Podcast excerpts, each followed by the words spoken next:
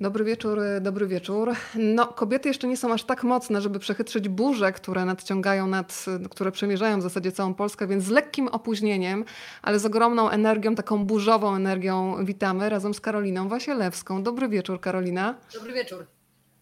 Cyfro dziewczyny, przed nami dzisiaj opowieść o pionierkach w polskiej informatyce, ale obiecałyśmy sobie też, że porozmawiamy też o ich koleżankach za oceanu. Ale najpierw y, muszę Cię przedstawić tym, którzy Cię jeszcze nie znają, a wierzę, że dzisiaj sporo osób z różnych środowisk do nas zajrzy. Powiem Państwu krótką historię naszą z Karoliną. Znamy się, pracowałyśmy kiedyś w jednym radiu. Karolina była serwisantką. Karolina powiem też, że byłaś moją fantastyczną nauczycielką y, języka angielskiego. Ja do tej pory pamiętam przyjemność płynącą z konwersacji. No ale teraz czas najwyższy tak. przedstawić Cię jako autorkę.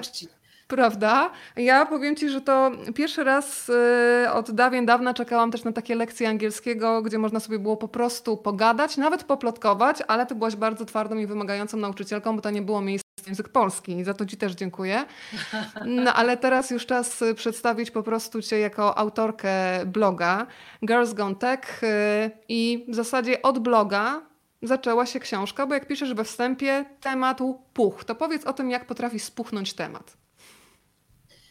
Jak temat potrafi spuchnąć? No ten e, puchł w oczach. E, wyglądało to tak, że mm, moja koleżanka Krystyna Romanowska, dziennikarka, zapytała mnie, kiedy ja zaczęłam prowadzić bloga, e, słuchaj, a ty interesowałaś się kiedyś tym, kto był pierwszą polską programistką, jak to wyglądało w dawnych czasach? Bo mój blog, dla tych, którzy nigdy nie mieli przyjemności z nim obcować, wyjaśnienie, dotyczy kobiet nie tyle w IT, co w bardzo szeroko pojętej branży technologicznej, ale współczesnej. Więc ja zgodnie z prawdą powiedziałam, no nie, nie zastanawiałam się nad tym, po czym jak wróciłam do domu, to mnie ten temat tak zaczął lekko kłuć, nie dawał mi spokoju. I pierwsze dwa nazwiska kobiet, które pojawiły się w mojej książce, znalazł e, mój mąż, który wtedy pracował jako rekruter. Rekruterzy są fenomenalni, jeżeli chodzi o wyszukiwanie w internecie Polecam pomoc rekrutera w takiej sytuacji. Wykopię Wam z podziemi po prostu najtrudniej dostępne informacje. E, więc e, pierwsze dwa nazwiska pojawiły się właśnie dzięki jego pomocy i doszliśmy do wniosku, że skoro mamy dwie kobiety, które w latach 60. napisały wspólnie opracowanie dotyczące programowania, dwa kobiece nazwiska, no to już wygląda obiecująco. Sprawdźmy, jak to będzie dalej. Okazuje się, kiedy nawet wejdzie się na takie najprostsze strony, typu historia polskiej informatyki na Wikipedii, że przy każdym ważnym projekcie informatycznym w Polsce pojawiały się jakieś kobiece nazwiska.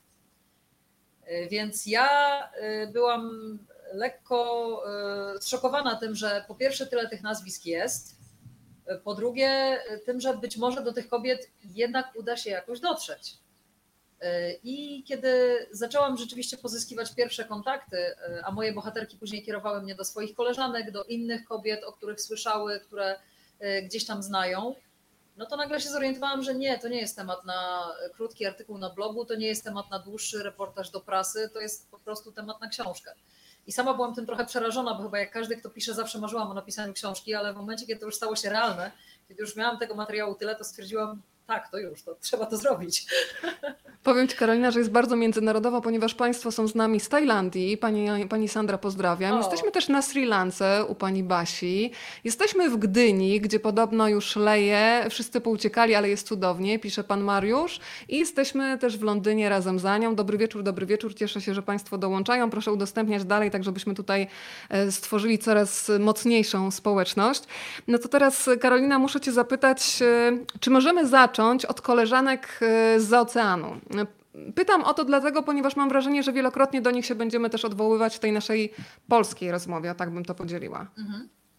To Grace Hopper. Muszę powiedzieć o tej kobiecie, bo po lekturze Twoich cyfro dziewczyn, no to jest taka moja idolka i najbardziej cenię ją za zdanie, które powiedziała, może nie zacytuję dosłownie, ale sens na pewno uda mi się przekazać, że najgorsze zdanie, jakie w takich zawodowych relacjach można usłyszeć, brzmi mniej więcej tak – ale u nas zawsze robi się to w taki i taki sposób. I w tym momencie przypomniałam sobie wszystkie sytuacje zawodowe, kiedy od współpracowników, czasami od przełożonych, słyszało się właśnie tego typu zdanie, kiedy wydawało ci się, że wyskakujesz z jakimś pomysłem świetnym, a tu nagle takie usadzające, jak takie małe dziecko, dobrze, dobrze, idź do kącika, ale u nas zawsze jest taki tak. Więc za to Grace Hopper kocham, ale powiedz o niej więcej. E, Grace Hopper była już no, z tego powiedziałabym drugiego pokolenia kobiet zaangażowanych w rozwój informatyki w Stanach Zjednoczonych. E, te pierwsze, o których się wspomina, to były programistki komputera ENIAC, który w latach 1943-46 powstawał na potrzeby amerykańskiej armii. I dlaczego w ogóle zatrudniono do oprogramowania go kobiety? E, dlatego, że były to matematyczki pracujące na Uniwersytecie Pensylwanii, które już wcześniej zajmowały się obliczeniami balistycznymi, a dokładnie to ten komputer miał robić. Więc przyjęto, że one po prostu wiedzą, w jakim kierunku te obliczenia powinny pójść. Poza tym uważano wówczas, że to konstrukcja komputerów jest takim zajęciem najważniejszym, a ich oprogramowanie no to jest taka prosta matematyczna robota. Co oczywiście nie jest prawdą, jak wspomina jedna z bohaterek mojej książki, Lidia Zajchowska, no, że bez oprogramowania komputer byłby gustownym meblem być może, ale do Tak, stolikiem, cudowna była z tym hasłem, tak. Tak, e, więc Grace Hopper e, pojawiła się nieco później, już na etapie trzeciego takiego głośnego amerykańskiego komputera Univac i ona stworzyła dla niego kompilator. Kompilator to jest e, program, który tłumaczy język człowieka na język zrozumiały dla maszyny, kod zrozumiały dla komputera. E, od tego zaczęła się właściwie jej praca, to znaczy zaczęło się od tego, że ona w ogóle marzyła o karierze w wojsku, też nietypowo jak na kobietę w tamtych czasach. E, I miała 37 lat, kiedy udało jej się do tego wojska dostać. Natomiast ponieważ na wszystkich testach rekrutacyjnych wypadła fenomenalnie, no to jednak uznano, że mamy do czynienia z umysłem nieprzeciętnym i stąd jej zaangażowanie później właśnie w te ambitne projekty informatyczne, wtedy jeszcze związane z wojskiem. E, Grace Hopper jest znana z co najmniej kilku rzeczy. Otóż przede wszystkim e, w latach 60. postanowiono, że musi się narodzić jakiś język programowania, który będzie wspólny dla różnych powstających maszyn. Poza tym komputery zaczęły być już używane w przemyśle i w gospodarce, stąd też e, pojawiła się potrzeba stworzenia takiego języka na potrzeby, dzisiaj byśmy powiedzieli, biznesowe. De facto chodziło o tworzenie baz danych i o zarządzanie produkcją w przedsiębiorstwach.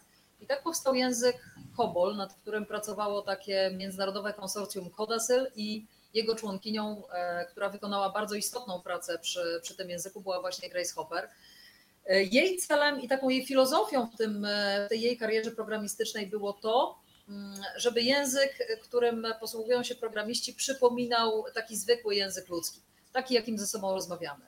Jeszcze długo nie rozumiano tej potrzeby, bo traktowano komputery po prostu jako urządzenia do liczenia takie, które no, w zasadzie nie, nie, nie będą nigdy pełniły innych funkcji.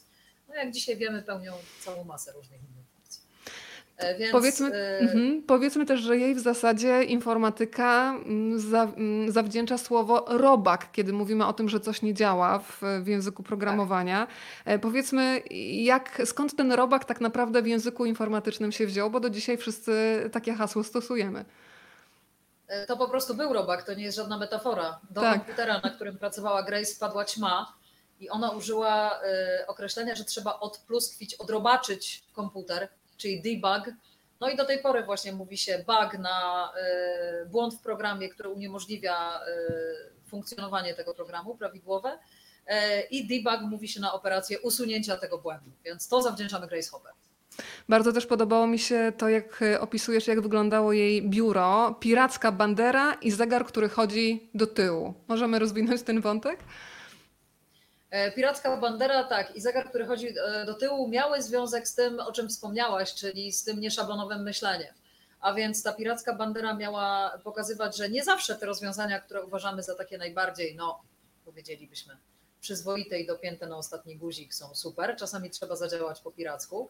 Zegar chodzący do tyłu no, wskazywał, że y, czasu jest mało i, i w związku z tym należy przedsiębrać odważne decyzje. Tak?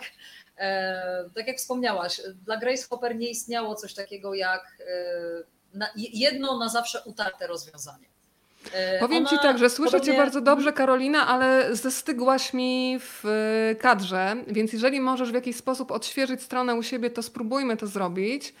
A ja tutaj przywitam w tak zwanym międzyczasie jeszcze Państwa z Wrocławia o Pani Małgosiu. Bardzo się cieszę, że Pani jest. Mamy też pozdrowienia z e, Niemiec. A za moment, e, dosłownie za moment dołączy do nas Karolina. Walczymy dzisiaj faktycznie najprawdopodobniej z burzą, która jednak e, wpływa na internet i tutaj nawet najnowocześniejsze technologie nas nie zawsze są w stanie uratować, ale proszę o chwilę cierpliwości, zaraz będziemy wracać. Książka Cyfrowe Dziewczyny to jest taki tekst, który pokazuje, jak bardzo obecne były kobiety na początku bardzo intensywnie w tym świecie i w zasadzie mogę zaryzykować stwierdzenie, o którym też pisze Karolina, że kiedy w tej branży pojawiły się pieniądze, no to nagle gdzieś kobiety zostały zepchnięte na bok, ale o tym też y, będziemy rozwijać. Widzę Cię teraz i mam nadzieję, że zaraz usłyszę, Karolina. Już, już nie jestem za, zastygła w kadrze, tak. Tak, już się ruszasz. Możesz teraz, wiesz, zrobić jakiś taniec radości, że jesteśmy z powrotem. To kontynuujmy jeszcze Grace Hopper, czyli y, skończyłyśmy na tym wątku, że faktycznie trzeba łamać schematy i to była jedna z tych kobiet, która się nie bała. To przywołajmy jeszcze jedną z nich, ponieważ lądowanie na Księżycu i misję Apollo 11, o ile dobrze pamiętam, czyli pierwsze kroki na Księżycu, wszyscy pamiętają i wszyscy się ekscytowali tym, że to mężczyźni wychodzą i są. Ale gdyby nie kobieta, to znowu ta misja po prostu nie miałaby szans powodzenia. Proszę opowiedz więcej. No gdyby nie Margaret Hamilton, która zresztą oprogramowaniem pokładowym dla misji Apollo 13 zajęła się trochę przez przypadek. To znaczy ona dogadała się ze swoim mężem w ten sposób, że ona przerwie swoje studia matematyczne e, i pójdzie do pracy, a on w tym czasie będzie mógł dokończyć swoje studia prawnicze na Harvardzie, potem się mieli pozamieniać co zresztą z tego powodu, że informatyka weszła w życie Margaret Hamilton się, się nigdy nie udało, nigdy nie doprowadzili tego planu do końca. E, ona zaczęła pracować na MIT, e, czyli no, najważniejszej chyba amerykańskiej uczelni technicznej w Massachusetts. I właśnie grupie osób, matematyków tam pracujących zlecono stworzenie tego oprogramowania pokładowego dla misji Apollo 11. Margaret Hamilton wspominała, że właściwie oni zupełnie nie wiedzieli, e, po jakim obszarze się poruszają. Nie było wówczas kursów programowania. To była praca totalnie od zera. E, I to się rzeczywiście e, udało, to znaczy oni stworzyli szereg mechanizmów, które miały spowodować, że ten system sterujący będzie po pierwsze niezniszczalny, po drugie niezawodny. W tamtych czasach były to duże wymagania wobec komputera, bo wszyscy, którzy pracowali wówczas na komputerach, byli przyzwyczajeni, że to, że one się wieszają, to, że pogoda ma wpływ, to, że te programy trzeba bardzo mocno ścieśniać, żeby one tam nie wyczerpały za bardzo energii komputera, to, to, to wszyscy wiedzieli. A tutaj, no, y, można powiedzieć, że był to taki pierwszy komputer nowoczesnego typu, to znaczy on miał działać choćby nie wiem co. I rzeczywiście działał, natomiast e, w międzyczasie e, przytrafiło się co najmniej kilka zabawnych sytuacji. E, jedna ma związek z tym, że w tamtych czasach, tak jak wspomniałaś, ci wspaniali mężczyźni, którzy lecą w kosmos, no byli traktowani jak półbogowie. To w ogóle nie mieściło się ludziom w głowach, że oni mogą popełnić jakiś zwykły ludzki błąd. Bo są bogami. Oni byli wtedy, tak, oni byli, wiesz, pokazywani jako tacy przystojni, mądrzy, wykształceni, ci, którzy nas tu, prawda, powiodą w ten kosmos i jeszcze będą w tym szybsi od Rosjan, no cudownie. Więc e, Margaret Hamilton e, była ze swoją córką pewnego dnia w laboratorium i jej córka, bawiąc się symulatorem tego statku, który, który niebawem miał się właśnie udać na Księżyc, włączyła, po prostu wciskając sobie tam klawisze, uruchomiła opcję przedstartową. I co się okazało? Okazało się, że ten symulator, który już wówczas miał być w fazie lotu, E, stracił wszelkie dane dotyczące startu. Czyli tak jakby zaczynał działać od nowa. No i Margaret Hamilton doszła do wniosku, że lepiej, żeby się to jednak nie przytrafiło już w czasie tego lotu prawdziwego na Księżyc. Ale no jak to napisać teraz w instrukcji tym astronautom, żeby oni się nie poczuli dotknięci, że tacy są głupi, że to uruchomią, prawda? I okazało się, że dokładnie to wydarzyło się w czasie lotu. E, I był bardzo szybki telefon z Houston do, do, do Margaret Hamilton, która była wówczas na uczelni, i ona z kolegami udało jej się to rzeczywiście e, poskładać i, i, i, ściągnąć astronautów z powrotem do domu, bo gdyby nie to, to, to, to oni by nie mieli szans dolecieć, bo po prostu ten komputer nie miał żadnych danych zapamiętanych momencie, kiedy ta opcja została uruchomiona. Więc jak się okazuje, doświadczenie, w którym wzięła udział czteroletnia dziewczynka ze zbyt szybkimi palcami, uratowało e, pierwszą załogową misję na Księżyc. Tak. I czym wobec tego są nasze problemy z burzą, prawda? Wyobraź sobie, co prawda? tam się musiało dziać na górze, prawda? Kiedy stracili kontrolę. Więc teraz już naprawdę jestem spokojna. E, piszesz na początku książki, że dziewczynom, które dzisiaj marzą o pracy programistki czy o własnym startupie, brakuje takich mitów założycielskich z bohaterkami podobnych, e, podobnymi do nich. I że bardzo są potrzebne takie historie, żeby, ja to nazywam, żeby komuś dmuchnąć w plecy, żeby dodać mu wiatr, żeby mógł rozwinąć e, te skrzydła. Wspominasz innymi o sukcesie książki i filmu Ukryte działania. Opowiedz trochę więcej o tej produkcji, bo zdaję sobie sprawę, że nie wszyscy po prostu ten film widzieli. E, film jest znakomity, od razu mogę powiedzieć, na dzień dobry. Na pewno warto go obejrzeć. Jest taką bardziej fabularnym rozwinięciem reportażu Ukryte Działania. Książka jest takim już stricte reportażem trochę bardziej obciążonym danymi, datami i tak dalej, i tak. A film to jest po prostu piękna opowieść, którą się ogląda i to płynie. Było tak, kiedy zaczęła powstawać NASA, a NASA powstała w ten sposób, że agencja zajmująca się do tej pory lotami przecież gnęła się w agencję organizującą loty kosmiczne mm, na przełomie lat 50. i 60. Oni potrzebowali bardzo dużej bazy ludzi, którzy po prostu wykonywali wyobliczenia. No bo mieli tych swoich inżynierów, którzy kombinowali nad e, wyrafinowanymi prawda, rozwiązaniami inżynieryjnymi, ale potrzebni byli ludzie, którzy jeszcze to wszystko policzą. No były to czasy, kiedy nie było kalkulatorów, e, komputerów też jeszcze nie w takim powszechnym użyciu. Więc zatrudniono do tego E, grupę kobiet i były to w zasadzie dwie grupy kobiet pracujące osobno w oddalonych od siebie budynkach.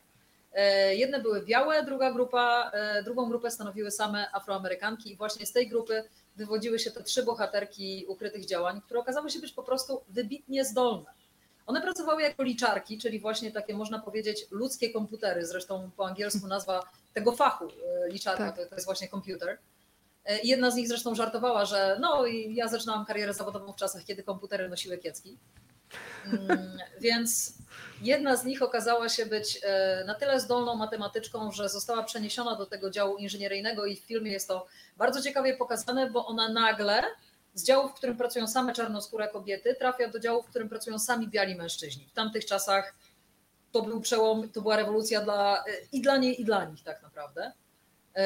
Druga postać, e, Dorothy Vaughan, dla odmiany, zostaje w pewnym momencie kierowniczką zespołu liczarek, a w NASA pojawia się tajemnicza maszyna IBM.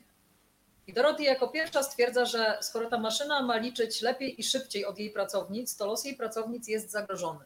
Więc ona postanawia nauczyć się, jak tę maszynę e, programować i nauczyć tego swoje podopieczne. I de facto ona była tą pierwszą programistką, która puściła tego IBM-a w NASA w ruch. I trzecia postać, e, Mary Jackson, to była pierwsza afroamerykańska inżynierka, to znaczy kobieta z tytułem inżyniera w NASA. Kazimierz Czarnecki, nasz rodak, który pracował tam przy tunelu aerodynamicznym, postanowił ją zatrudnić, ponieważ była no, niesamowitą żyletą, jeżeli chodzi o matematykę i fizykę, ale do tej pracy potrzebny był dyplom inżyniera, który dla odmiany wówczas dla kobiet, jeszcze afroamerykanów, zapomni. Więc e, w filmie jest bardzo ciekawie pokazana droga Mary Jackson do tego, jak ona ten dyplom rzeczywiście uzyskała i zaczęła pracować przy tym bardzo ambitnym projekcie. A swoją drogą ciekawostka z tego tygodnia jest taka, że e, siedziba główna NASA otrzymała oficjalnie imię Mary Jackson. Hurra! Nie, no, są takie małe kroki tak. i małe zwycięstwa, prawda? Tak bym powiedziała. Padło hasło komputer. To słuchaj, bardzo się mm, intensywnie uśmiechałam czytając, jak niewiele brakowało, żeby po polsku komputer nazywał się komputor na przykład, ale tam tak. różne propozycje padały. Powiedzmy w ogóle, kiedy w pewnym stopniu przyklepnięto słowo informatyka, kiedy ono się znalazło w języku polskim i jakie były e, całe debaty na temat różnych nowotworów językowych, jakie określano e, i kiedy w końcu postanowiono, że komputer w Polsce będzie komputerem. E, stało się to mniej więcej na początku lat 70. Mówię mniej więcej, bo to Jasne. nigdy nie była jakaś taka oficjalna decyzja, prawda?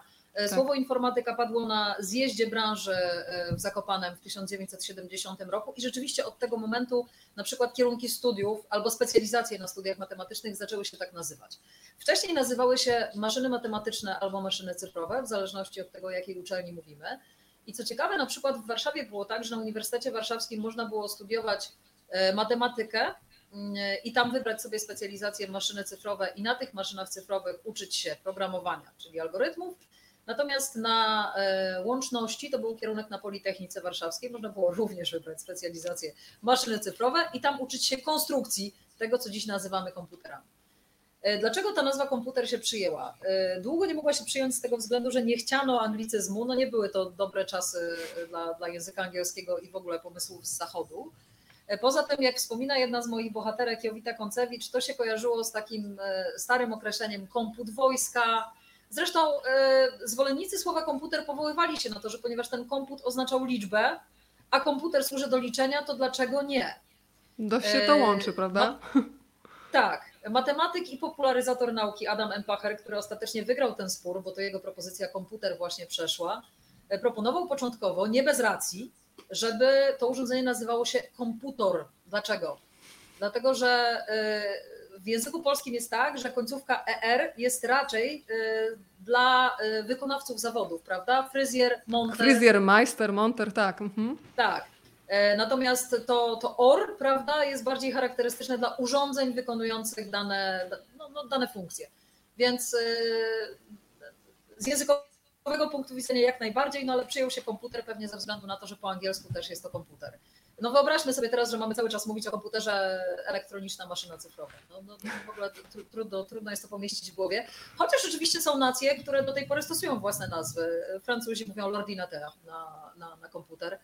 Ordynador mówią Hiszpanie, więc e, jak najbardziej są takie narody, w których e, to słowo komputer, pomimo tej swojej międzynarodowości, nie przyjęło się. Ale u nas... Słuchaj, u nas jest też coraz bardziej międzynarodowo. Wspomniałaś Hiszpanię. Pani Ewa właśnie pozdrawia z Granady w Hiszpanii. E, I jeszcze o, przedstawiciele kolejnych tutaj państw. Pozdrowienia z Niemiec mamy od pani Danki. Pozdrawiamy i od razu pokazujemy bohaterki książki Cyfro Dziewczyny. Teraz pierwsza z nich, której imię i nazwisko już tutaj padło, czyli Jowita Koncewicz. Powiedzmy trochę o niej. Bardzo lubię to zdjęcie, wiesz, bo w niej jest taka, w nim jest taka dziew... Mm, taka dziewczęcość z jednej strony, ale też e, taka kobieta, która od razu budzi moje zaufanie i gdybym miała jakiś problem komputerowy, to na pewno bym do pani Jowity wpadła, ale opowiedz o niej więcej. Jowita Koncewicz była według moich ustaleń pierwszą polską programistką, bo ona rzeczywiście jako pierwsza kobieta dołączyła do zespołu, który pracował nad e, stworzeniem i oprogramowaniem pierwszego polskiego komputera XYZ. E, było to w roku 1956. Oczywiście krótko bojowicie dołączyły kolejne dziewczyny, ale tak dla porządku oficjalnie to ona była pierwsza. Y, ściągnął ją do tego zespołu mąż, również matematyk y, Wiesław Żelazko. I wszyscy, którzy z nią wówczas pracowali, y, taka opinia się zresztą pojawia również w mojej książce, mówili, że nie, Jowita to absolutnie nie była postać, która pozwoliłaby się traktować jakoś inaczej, tylko dlatego, że była jedyną kobietą w zespole. E, I rzeczywiście ona sama o sobie mówi, że jest niezależna, jest takim wolnym duchem, jest z natury singielką. E, miała trzech mężów, tak uzupełniając tę wiedzę o życiu, o życiu prywatnym Jowity Koncewicz. Tak.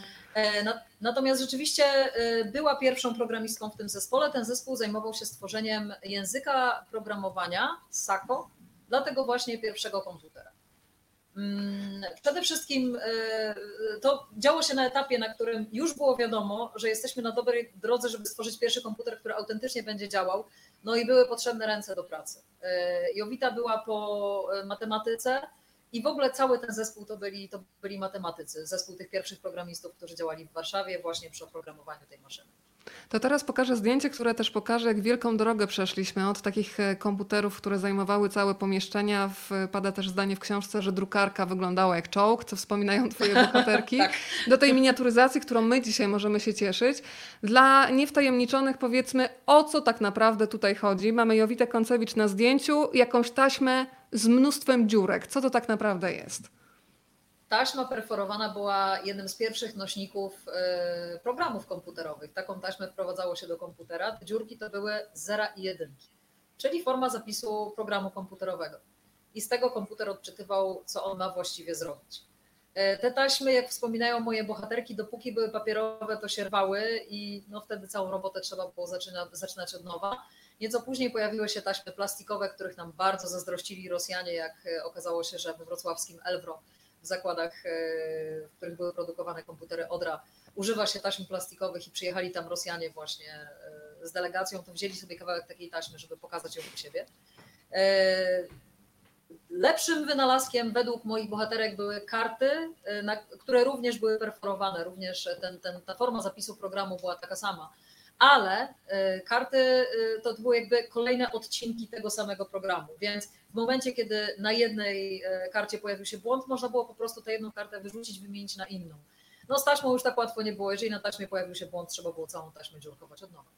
Słuchaj, zawodowcy są po drugiej stronie. Pani Danka pisze, w 73 roku na UW ten kierunek nazywał się metody numeryczne. Ja jestem rocznik 76, matematyk ze specjalnością systemy i języki programowania. Pozdrawiamy bardzo gorąco Pani Danko. E, no to jeszcze padło hasło Elwro, prawda? Przed momentem Karolina. Tak. To ja teraz y, kocham w ogóle Wrocław jako taki, między innymi za Krasnale, ale dzięki Tobie dowiedziałam się, że jest taki Krasnal, pokażę również Państwu, żeby wszystko było jasne. Krasnal z liczy skrzydłem, e, który przypomina Elwro, więc rozwijmy jeszcze trochę ten wątek, bo w Twojej książce poruszamy się w zasadzie pomiędzy Warszawą i Wrocławiem, jeżeli mówimy o e, dziewczynach z Polski związanych z nowoczesnymi technologiami. Tak, ten krasnal nazywa się Elwruś i na tym liczydle, które on trzyma, jest rok założenia właśnie zakładów Elwro, czyli 1955. E, Elwro powstało początkowo jako zakład produkujący urządzenia pomiarowe. Później pojawiła się, e, pojawił się pomysł, żeby produkować tam telewizory. E, no ale chwilę później okazało się, że jednak inżynierowie z Elwro chcą robić komputery. Początkowo miało się to odbywać we współpracy z Warszawą, to znaczy na Politechnice Warszawskiej powstał komputer UMT1 i on jako pierwszy został wdrożony do produkcji, to za dużo powiedziane ale e, został wyprodukowany w, w jakiejś tam liczbie egzemplarzy w Elwro. No i od tego momentu właściwie okazało się, że owszem, być może ta współpraca z Warszawą dalej będzie, ale we Wrocławiu e, ci inżynierowie też chcą robić własne rzeczy i mają własne pomysły na, na komputery, więc szło to od tego momentu dwutorowo. Oczywiście tych ośrodków produkujących komputery było w Polsce więcej. E, bo był bardzo prężnie działający ośrodek w Zabrzu, z czasem to się rozwinęło w Gdańsku, ale jeżeli mówimy o tych takich głównych ośrodkach koncepcyjnych i o tych, z których pochodziły te najważniejsze projekty, no to była właśnie Warszawa, e, gdzie działał Instytut Maszyn Matematycznych i działała firma Mera albo ERA, ona funkcjonowała pod różnymi nazwami. E, no i Wrocław, gdzie do późnych lat 80. funkcjonowało Elwro i, i tam bardzo prężnie rozwijała się produkcja właśnie komputerów. Najpierw Odry, później Riadów, pod koniec były to komputery między innymi Elwroiny. To niech w tej opowieści pojawi się bardzo znane nazwisko, Wandy Rutkiewicz. E, tutaj pokazuję mhm. Państwu na zdjęciu z osobistą dedykacją dla jednego z Twoich e, rozmówców. I powiedzmy, że Wanda Rutkiewicz, tak. oprócz tego, że oczywiście była wybitną himalaistką, zajmowała się też rajdami samochodowymi, o czym warto wspomnieć, no to też musiała mieć jakąś codzienność zawodową, czyli po prostu gdzieś musiała zarabiać pieniądze na te wyprawy. Gdzie ją spotykamy u Ciebie w książce? E, Wanda właśnie zaczęła pracować jako elektroniczka we Wrocławiu. Ona ukończyła właśnie e, studia nauczności, e, a później w Warszawskim Instytucie Maszyn Matematycznych pracowała w zespole, między innymi w zespole innej mojej rozmówczyni Elżbiety Jezierskiej-Ziemkiewicz. I teraz są różne opowieści dotyczące tej pracy Wandy w, w informatyce w ogóle. Dlatego, że bardzo wiele osób, na które powołuje się autorka biografii Wandy Rutkiewicz, e, Anna Kamińska, Kamińska tak, e, wspomina o tym, że to była taka, jeden z tych jej rozmówców mówi wręcz, że to był taki pic na wodę. E, że Wanda Rutkiewicz jeździła w góry, zdobywała Himalaje, wszyscy byli z niej bardzo dumni i ta praca była taka no po prostu, żeby ona miała jakiś etat oprócz tego. Tak. Mm, ale de facto nie powierzano jej długofalowych projektów, ani nic szczególnie ambitnego, bo było wiadomo, że ona po prostu no, ma ważniejsze sprawy. Natomiast właśnie Elżbieta Jezierska-Ziemkiewicz, e, która pracowała z Wandą Rutkiewicz, mówi w mojej książce, że nie, nie, nie, jak najbardziej Wanda Rutkiewicz pracowała przy, przy jednym z długofalowych, dość ambitnych projektów, które ona realizowała. I owszem, jeździła w góry i wszyscy trzymali kciuki za te jej wyprawy, ale absolutnie nie można powiedzieć, że jakoś mało ambitnie podchodziła do, do tej swojej pracy właśnie w charakterze elektroniczki. Też umówmy się, to były trochę trudne czasy, dlatego że wszyscy zawodowi sportowcy musieli mieć oprócz tego jakiś etat gdzieś czymś państwowym.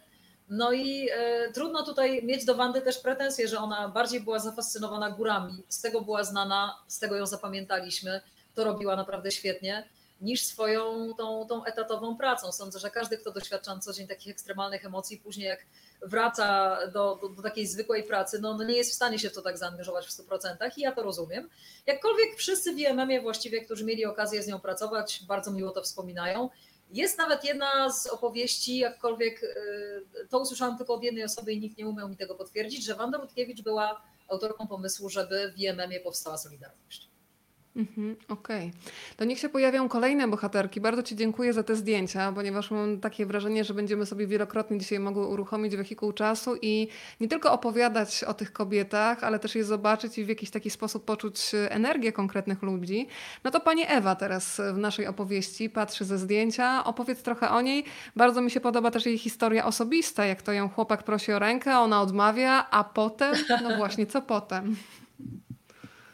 E, pani Ewa um, zaczęła pracować w IMM, ponieważ odpowiedziała na ogłoszenie. Ukończyła właśnie studia matematyczne i dowiedziała się, że, że jest taka praca. Ona zupełnie nie wiedziała, czym ona się tam będzie zajmowała. I okazało się, że właśnie trafiła do tego zespołu pracującego nad językiem Sako, a w chwilę później z tego zespołu wyłoniły się trzy grupy. Każda z nich zajmowała się, to znaczy dwie zajmowały się dostosowaniem zagranicznych języków programowania do możliwości produkowanych wówczas w Warszawie maszyn.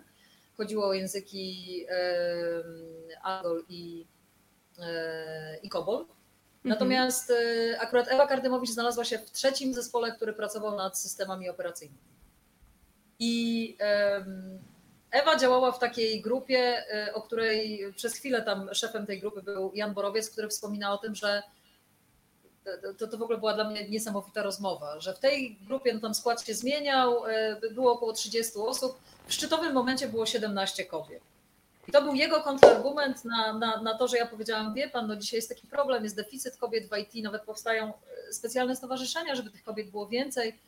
Na co on powiedział, no ale wie pani, w tym moim zespole na 30 osób było 17 kobiet, ja w ogóle nie wiem, gdzie tu problem. Przecież kobiety są tak samo dobre jak mężczyźni, o co tu w ogóle chodzi? Więc naprawdę, no, dobrze usłyszeć coś takiego od kogoś po 80 w naszych czasach, kiedy mamy tego rodzaju, e, te, tego rodzaju problemy, problemy właśnie z tym deficytem kobiet w IT, jak, jak mamy. E, Ewa Kardymowicz zajmowała się właśnie systemami operacyjnymi, później weszła w takie już bardziej teoretyczne tematy, wówczas teoretyczne, bo na przykład e, zajmowała się od strony właśnie takiej badawczej, naukowej sztuczną inteligencją, która dzisiaj już jest no, w powszechnym użyciu, prawda? Były to lata 60., 70., kiedy ona zaczęła się tym zajmować.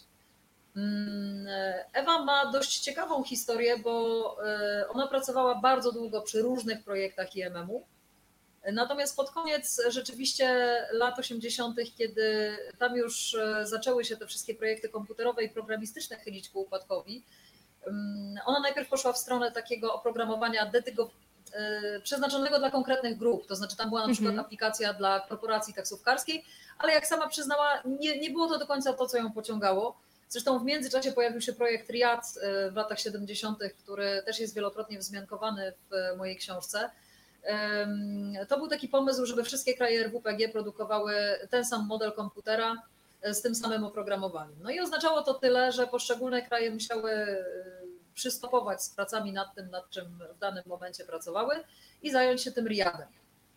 Ponieważ on miał być wzorowany na IBM-ie i tak też no, oprogramowanie dla, dla komputerów IBM było właśnie wzorem, na którym miały się opierać te moje bohaterki, które, które przy tym pracowały.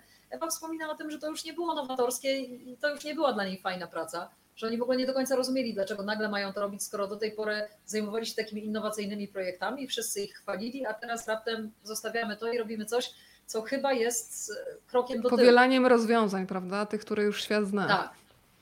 Więc Ewa w ramach e, robienia rzeczy nowatorskich, dla odmiany w latach 90., kiedy wszystko się w Polsce bardzo dynamicznie komputeryzowało i właściwie wszędzie tej, tej cyfryzacji e, brakowało, e, zajmowała się komputeryzowaniem katalogu Biblioteki Narodowej. Więc jeżeli dzisiaj korzystamy z Biblioteki Narodowej, która no cała jest znakomicie skomputeryzowana, wiem, bo choćby pisząc tę książkę również, również korzystałam, na przykład te cytaty ze starej prasy są właśnie dzięki mojej pracy w Bibliotece Narodowej, no to możemy ciepło myśleć o Ewie Kardymowicz, to właśnie dzięki niej. E, Bardzo mi się to podoba, że to... Mhm. Tak. Inna bohaterka no tego samego rozdziału, Krystyna Pomaska, e, skomputeryzowała dla odmiany urząd patentowy, więc, więc tak. Tych opowieści jest naprawdę sporo. Bardzo bym chciała, żebyśmy jeszcze porozmawiały o tym momencie, o którym ja wspomniałam, kiedy ty zniknęłaś. E, że kiedy tak naprawdę pada takie zdanie bardzo mocne i otwierające oczy, że trochę to wygląda tak, że kiedy w tej branży informatycznej, bo pokazujesz czasy, kiedy to była branża dla pasjonatów, gdzie ci ludzie naprawdę pracowali, mieli dużo nadgodzin, poświęcali swój czas, te pieniądze były bardzo marne. Natomiast kiedy w tej branży pojawiły się pieniądze, to jakimś dziwnym trafem tych miejsc dla kobiet jest y, zdecydowanie mniej. Więc jak to można wytłumaczyć? Pokazujesz te swoje bohaterki, to to jest dla mnie też bardzo ciekawy wątek, że one są córkami kobiet e, takich powojennych, które wpoiły im, że kobieta musi być niezależna, że powinna mieć swoje pieniądze, powinna walczyć o swoje. No a teraz znowu jest ten etap, gdzie tych kobiet jest zdecydowanie mniej. Usta spróbowałaś ustalić, nie wiem, jak ty sama sobie odpowiadasz na to pytanie, co powoduje, że dzisiaj IT w głowie, myślę, przeważającej większości osób jest branżą męską. U nas, jeżeli mówimy o polskim IT, była taka dziura. E, nasz przemysł komputerowy posypał się na przełomie lat 80. i 90. Wtedy przestało istnieć Elvro. Wtedy no, do Polski zaczęły docierać komputery e, amerykańskie, tajwańskie części, które były zdecydowanie tańsze od tego, co e, były w stanie wyprodukować nasze no, ledwie zipiące wówczas zakłady.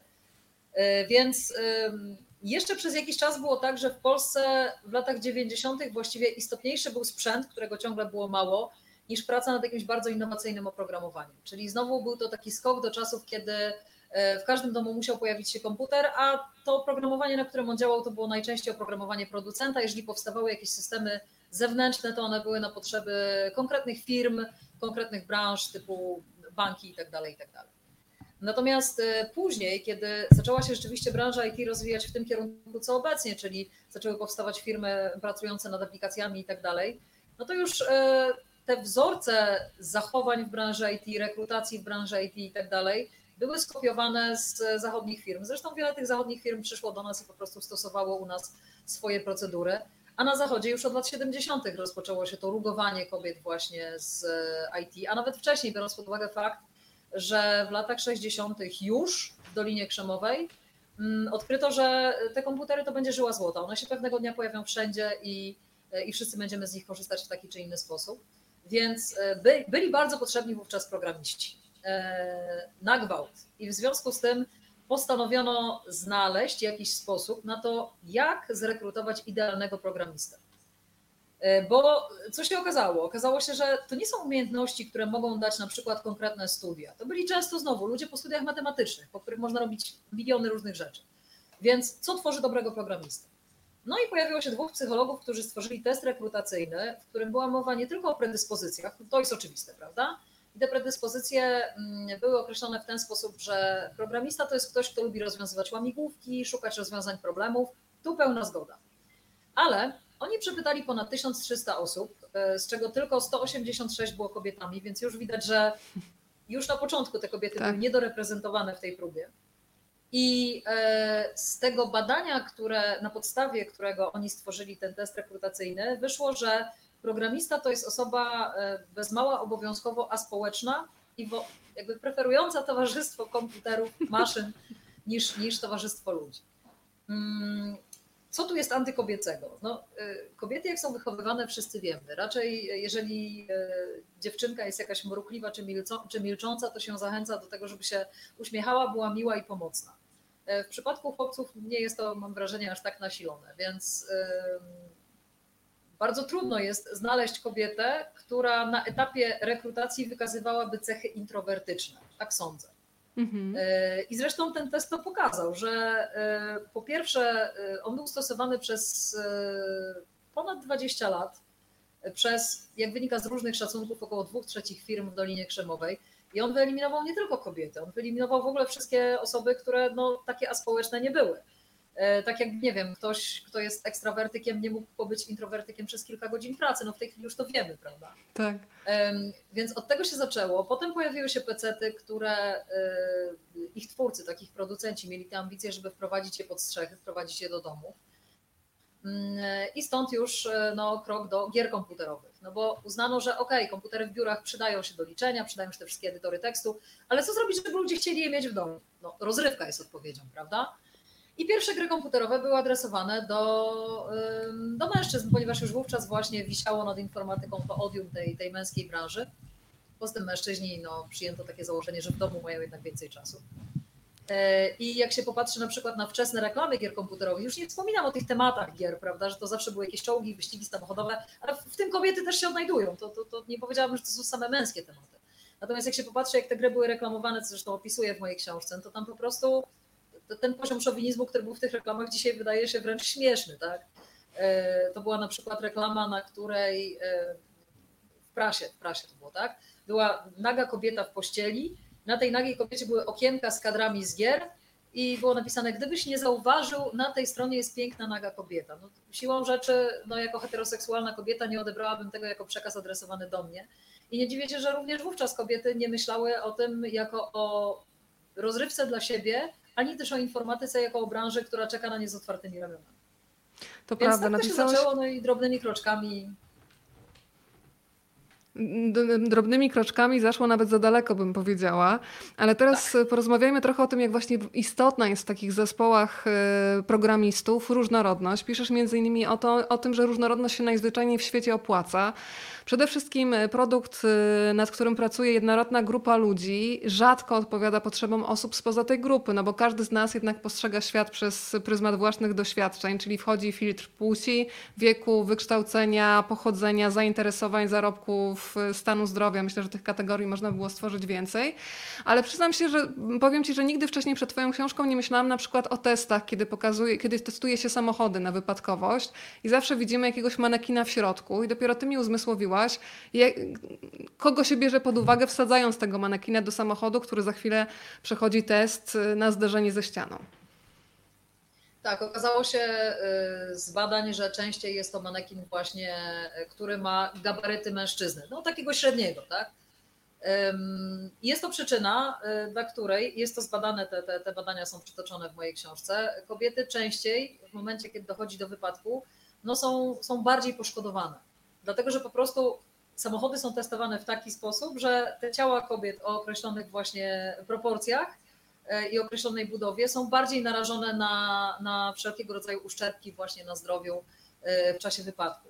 Więc e, to jest tylko jeden z przykładów takiego myślenia. No, kolejny to jest to, o czym wspominają bardzo często testerki i testerzy oprogramowania, z którymi rozmawiam, że w tej chwili testuje się oprogramowanie już nie tylko pod kątem tego, czy właśnie pojawiają się jakieś błędy. Dajmy na to, no, no nie wiem, takim przykładem, który pewnie wszystkim nam coś tutaj unaoczni, bo jest taki bardzo wizualny, są gry komputerowe, prawda? E, Jeżeli ktoś grał w e, pierwszą wersję e, Wiedźmina trzeciego przeznaczoną dla, testowo dla graczy, to pewnie zdziwiły go pewne rzeczy, na przykład pojawiająca się ni z tego nizowego na ścianie końska głowa, która do niczego nie służy. To był ewidentny bug, tak? I okej, takie rzeczy być może są śmieszne, być może trzeba je wyeliminować, ale teraz właśnie testowanie gier komputerowych bardzo często odbywa się na tej zasadzie, że pyta się o opinię ludzi, którzy powiedzmy mają jakieś wady wzroku. Na przykład problem z postrzeganiem kolorów, prawda? Nie mówimy o pełnym daltonizmie, no bo jest ileś tam, e, ileś tam spektrów, prawda? Ileś tam stadiów e, daltonizmu. I na przykład okazuje się, że takie typowe rozwiązanie, że mamy guzik czerwony i zielony, czyli bohater coś robi albo nie, nie dla wszystkich jest jasne. Więc trzeba myśleć e, o takim doborze Szerzej. kolorów i kształtów, tak, żeby, żeby, to, było, żeby to było jasne dla, dla każdego, kto, kto może z tego skorzystać. I rzeczywiście e, różnorodność w tych zespołach nie tylko płciowa, ale tak jak mówisz też etniczna, związana z e, różnymi niepełnosprawnościami i tak dalej, powoduje, że ten produkt najzwyczajniej w świecie zaczyna być dostępny dla większej grupy klientów, co jest nie tylko sprawiedliwe i, i, i fajne, że ludzie, którzy do tej pory na przykład nie mogli w te gry grać, teraz sobie w nie zagrają. E, To jest również bardzo opłacalne biznesowo, po prostu powiększamy w ten sposób pulę klientów. Ale żeby taki produkt był dla nich wszystkich dostępny, musimy również w zespołach pracujących nad tym produktem zatrudnić różnych ludzi. Bardzo też taki przemawiający mm, do wyobraźni jest przykład, kiedy opowiadasz y, mm, te perypetie związane z Uberem i z tym, że tutaj ten kobiecy punkt widzenia i kobiece doświadczenia przede wszystkim związane z Uberem zadecydowały o tym, że dzisiaj jeżdżąc Uberem można przynajmniej trochę czuć się bezpieczniej. To jest y, coś, co zostaje w głowie. Mogę Cię poprosić o tę historię? E, Ja o tym w ogóle nie wiedziałam, korzystając z Ubera, tak jak chyba wszyscy, że Uber nie ma żadnej e, w aplikacji funkcji e, służącej do informowania, że coś jest nie tak w czasie przejazdu. To mogą być różne rzeczy. Akurat w Stanach Zjednoczonych wyszło to na jaw przy ujawnieniu e, setek przypadków e, molestowania seksualnego czy gwałtów dokonanych właśnie e, przez, przez kierowców Ubera. Natomiast wyobraźmy sobie sytuację, że taki kierowca, nie wiem, zasłabnie. No, i, no, no też musimy kogoś poinformować, a aplikacja tego nie przewiduje. Więc w aplikacji rzeczywiście pojawiło, pojawił się taki guzik bezpieczeństwa, natomiast długo go nie było. I to, to rozwiązanie wydaje się tak oczywiste, Tak, dzisiaj tak, brak jest wręcz mówisz. absurdalny. Tak. Ym, A okazuje się, że długo nikt o nim nie pomyślał, pomimo że nad e, aplikacją e, Uber pracowały naprawdę tęgie mózgi i dzisiaj korzystamy z niej na całym świecie. Więc to pokazuje, że właśnie brak tego kobiecego punktu widzenia, wyobrażam sobie, że już nawet nie na etapie e, programowania, ale również na etapie testów, tak zwanego user experience, czyli pytania o opinie e, właśnie użytkowniczek i użytkowników, e, tutaj no, sprawił, że przez długie lata rzeczy tak bardzo podstawowej nie było. Słuchaj, to wracam do Twoich bohaterek, tych bohaterek z Polski. Przyznaję, że bardzo inspirującą osobowością jest pani Elżbieta Płóciennik. E, taka kobieta, która mm, też pokazuje, jak bardzo duże znaczenie ma to, w jakiej rodzinie się człowiek wychowuje. Zacytuję tutaj fragment z Twojej książki Cyfro dziewczyny. Kiedy marudziłam przy jedzeniu, tata brał mnie na kolana, stawiał przede mną talerz i pokazywał mi różne rzeczy na oscyloskopie. Czymkolwiek oscyloskop jest, pewnie Państwo mogą teraz sprawdzić, proszę poszukać w internecie. Skupiałam się na nich i jadłam, nawet nie zdając sobie z tego sprawy, wspomina pani Elżbieta. Miała mniej więcej 7 lat, gdy dostała od taty oporniki, kondensatory, kartkę ze schematem i polecenie złóż radio. Miała wolną rękę, nie wolno jej było tylko używać kolby do lutowania. Mimo to poskładała coś, co działało. Długie nocne dyskusje z ojcem astronomii, kosmologii, fizyce, e, paleontologii, ona to wszystko wspomina w dalszej części opowieści. E, no i to jest super opowieść o tym, kiedy ojciec daje dziewczynce siłę i mówi, że możesz robić co tylko zechcesz. Masz jakby pakiet taki startowy, że ty możesz robić wszystko, tylko znajdź swoje zainteresowania. I myślę, że ten wątek Karolina chyba u kilku twoich bohaterek się powtarza, że dostały takie wsparcie od rodziny, jasny przykład, że nie ma tego, co jest dla chłopców i dla dziewczyny, tylko jeżeli jest talent, to po prostu jedź, realizuj to. Nawet jeżeli nie złożysz tego radia, jak rozłożysz na części pierwsze. E, tak, moich bohaterek składających radio były dwie. Jednej się to udało, drugiej nie, co nie zmienia faktu, że to ta druga została później bardzo znaną konstruktorką komputerów. Mm, rzeczywiście, jeżeli mówisz o tym wsparciu rodziny, wspomniałyśmy już o tym w kontekście tych e, bardzo samodzielnych matek, które bardzo często w czasie wojny zostawały same i wychowywały córki, może nie ukierunkowując je w stronę konkretnej kariery, ale pokazując im, że po pierwsze warto mieć pracę, po drugie warto, żeby to była praca, która nie boli, to znaczy do której nie idziemy z zaciśniętymi zębami, tylko żeby to było coś, co nam się rzeczywiście spodoba. W tamtych czasach też różnice w zarobkach między ludźmi wykonującymi poszczególne zawody nie były aż takie, aż takie drastyczne, więc tak naprawdę nie było też tego nacisku, żeby mieć zawód, który przyniesie dobre pieniądze, bo wtedy no, Polska była na dorobku i, i, i, właściwie żaden zawód nie przynosił e, nie wiadomo jakich dochodów. Zresztą te opowieści o tym, ile zarabiali wówczas informatycy, też, też w mojej książce trochę się tego przewija. I dlaczego na przykład e, w Instytucie Maszyn Matematycznych pensje były celowo niskie. E, zachęcam do zapoznania się tak. z tą anegdotą. E, więc, e, więc zdecydowanie tych wspierających ojców, wspierających mam jest, jest w mojej książce dużo. Wyobrażam sobie, że to pokolenie właśnie wojenne, wychowujące później swoje dzieci po wojnie, chciało, żeby te dzieci wierzyły w siebie i żeby były przygotowane na wszystko, bo ci ludzie już wiedzieli, że tak zwane wszystko może nastąpić. Wspomniałaś Instytut Maszyn Matematycznych, no to ja przywołam przynajmniej jedną anegdotę. Oczywiście wszystkich Państwu nie zdradzimy, ale jeden z pracowników został wysłany do apteki w celu zakupu 120 prezerwatyw, no i musiał jeszcze przynieść rachunek na to, na Instytut. Po co ludziom tak. w Instytucie Matematycznym 120 prezerwatyw? Myślę, że. E, Chodzi o bezpieczeństwo, rzecz jasna, nie? Się zastanawiali, tak? E, jeszcze, żeby, żeby ta historia była pyszniejsza, wysłano najbardziej nieśmiałego chłopaka, który pracował w tym zespole.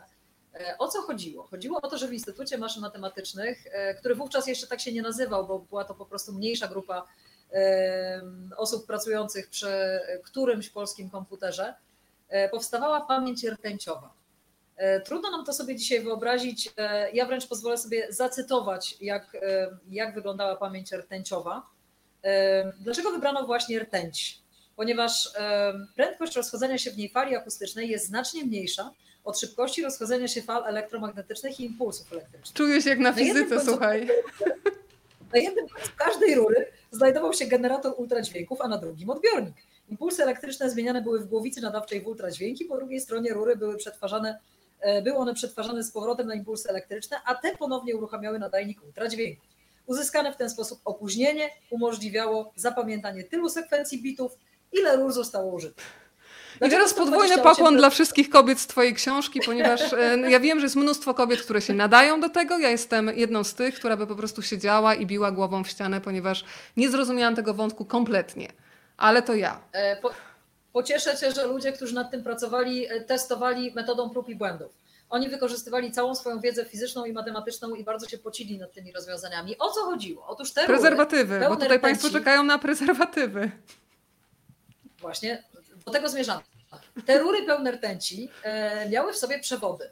No i z tych rur wystawały przewody, prawda? Jednocześnie e, istniała ta groźba, że wyleje się z nich rtęć. Praca z tym sprzętem była po prostu e, niebezpieczna. Więc Antoni Mazurkiewicz, który opowiadał tę anegdotę, który pracował właśnie przy tworzeniu tej pamięci rtęciowej, mówił, że zastanawiali się długo, jak to zrobić, żeby zamknąć rury od obu stron, nie gniotąc tych kabli, które wystają. No i wpadli na pomysł, że takim no, miękkim zakończeniem będą te, te nieszczęsne prezerwatywy, po które został wysłany ten nieborak, yy, którego nazwisko nie pada. Oszczędzono I, no, no, mu tak, wstydu po latach. Tak kombinowano, tak kombinowano, tak. No to czas na kolejną bohaterkę, którą teraz już mam przed oczami ja na komputerze, za chwilę Państwo będą mieć również. Y, pani Alicja, pani Alicja y, Kuberska, którą, o której mówisz, że w zasadzie jest taką polską ikoną jak Grace Hopper. To rozwijmy ten wątek. Myślę, że mogłaby być. Alicja Kuberska jest konstruktorką komputerów. E, brała udział w tworzeniu przełomowej Odry 1003. Przełomowej, bo to była pierwsza Odra, która rzeczywiście działała niezawodnie i weszła do produkcji.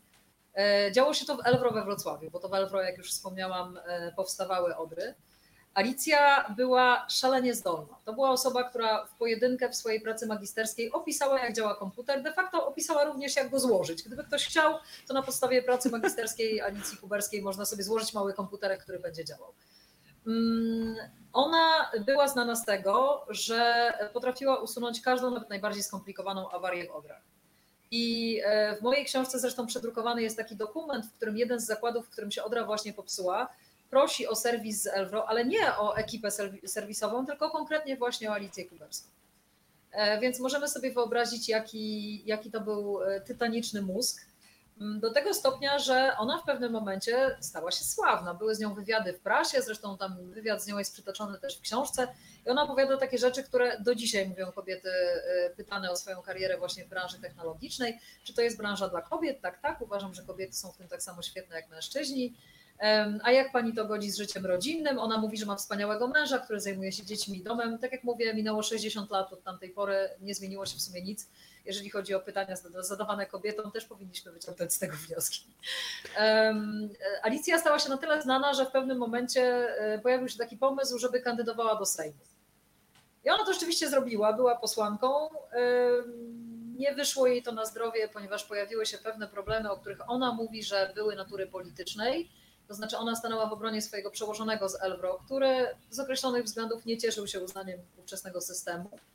E, natomiast e, no, są różne głosy w tej sprawie, też w mojej książce pojawiają się takie opinie, że po prostu wówczas dla Elbro, e, wówczas w Elbro skończył się dobry czas dla, dla konstruktorów, szukano dla nich po prostu innych zajęć dla Alicji, zabrakło ciekawych propozycji. Co też trochę trudno uwierzyć, biorąc pod uwagę to, jak zdolną i cenioną była inżynierką, więc sądzę, że prawda leży gdzieś po środku. To ja pokażę mm. Państwu Odrę 1204, żeby to nie było tylko takie wirtualne, że Państwo sobie coś wyobrażają w głowie, to można zobaczyć. No taka lodóweczka bym powiedziała tutaj. E, to jest tak. Odra 1204. Mają Państwo też tutaj od razu widoczny napis Elwro, czyli wrocławska e, fabryka, tak?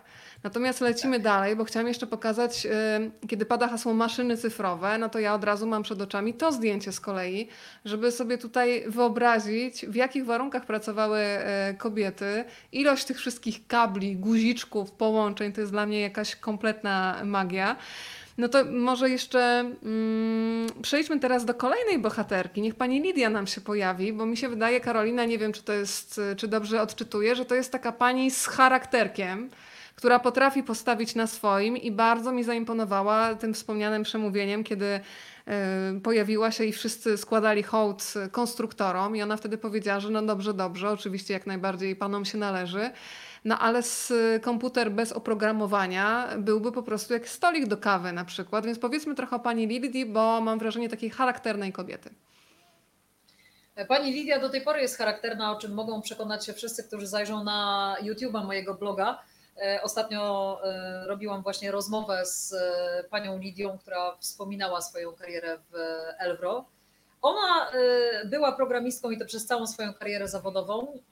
Brała udział w tworzeniu pierwszych języków programowania dla Odry powstających właśnie w Elwro. To jest, to jest mniej więcej ten etap, o którym mówimy, lata 60. Jeździła bardzo dużo do Rosji prezentować nasze komputery. Mm, była później związana z takim projektem e, Tapol. To się stało mniej więcej wtedy, kiedy wszedł ten nieszczęsny Riad i Lidia również stwierdziła, że ona nie ma ochoty kopiować cudzych rozwiązań, e, tylko robić coś swojego.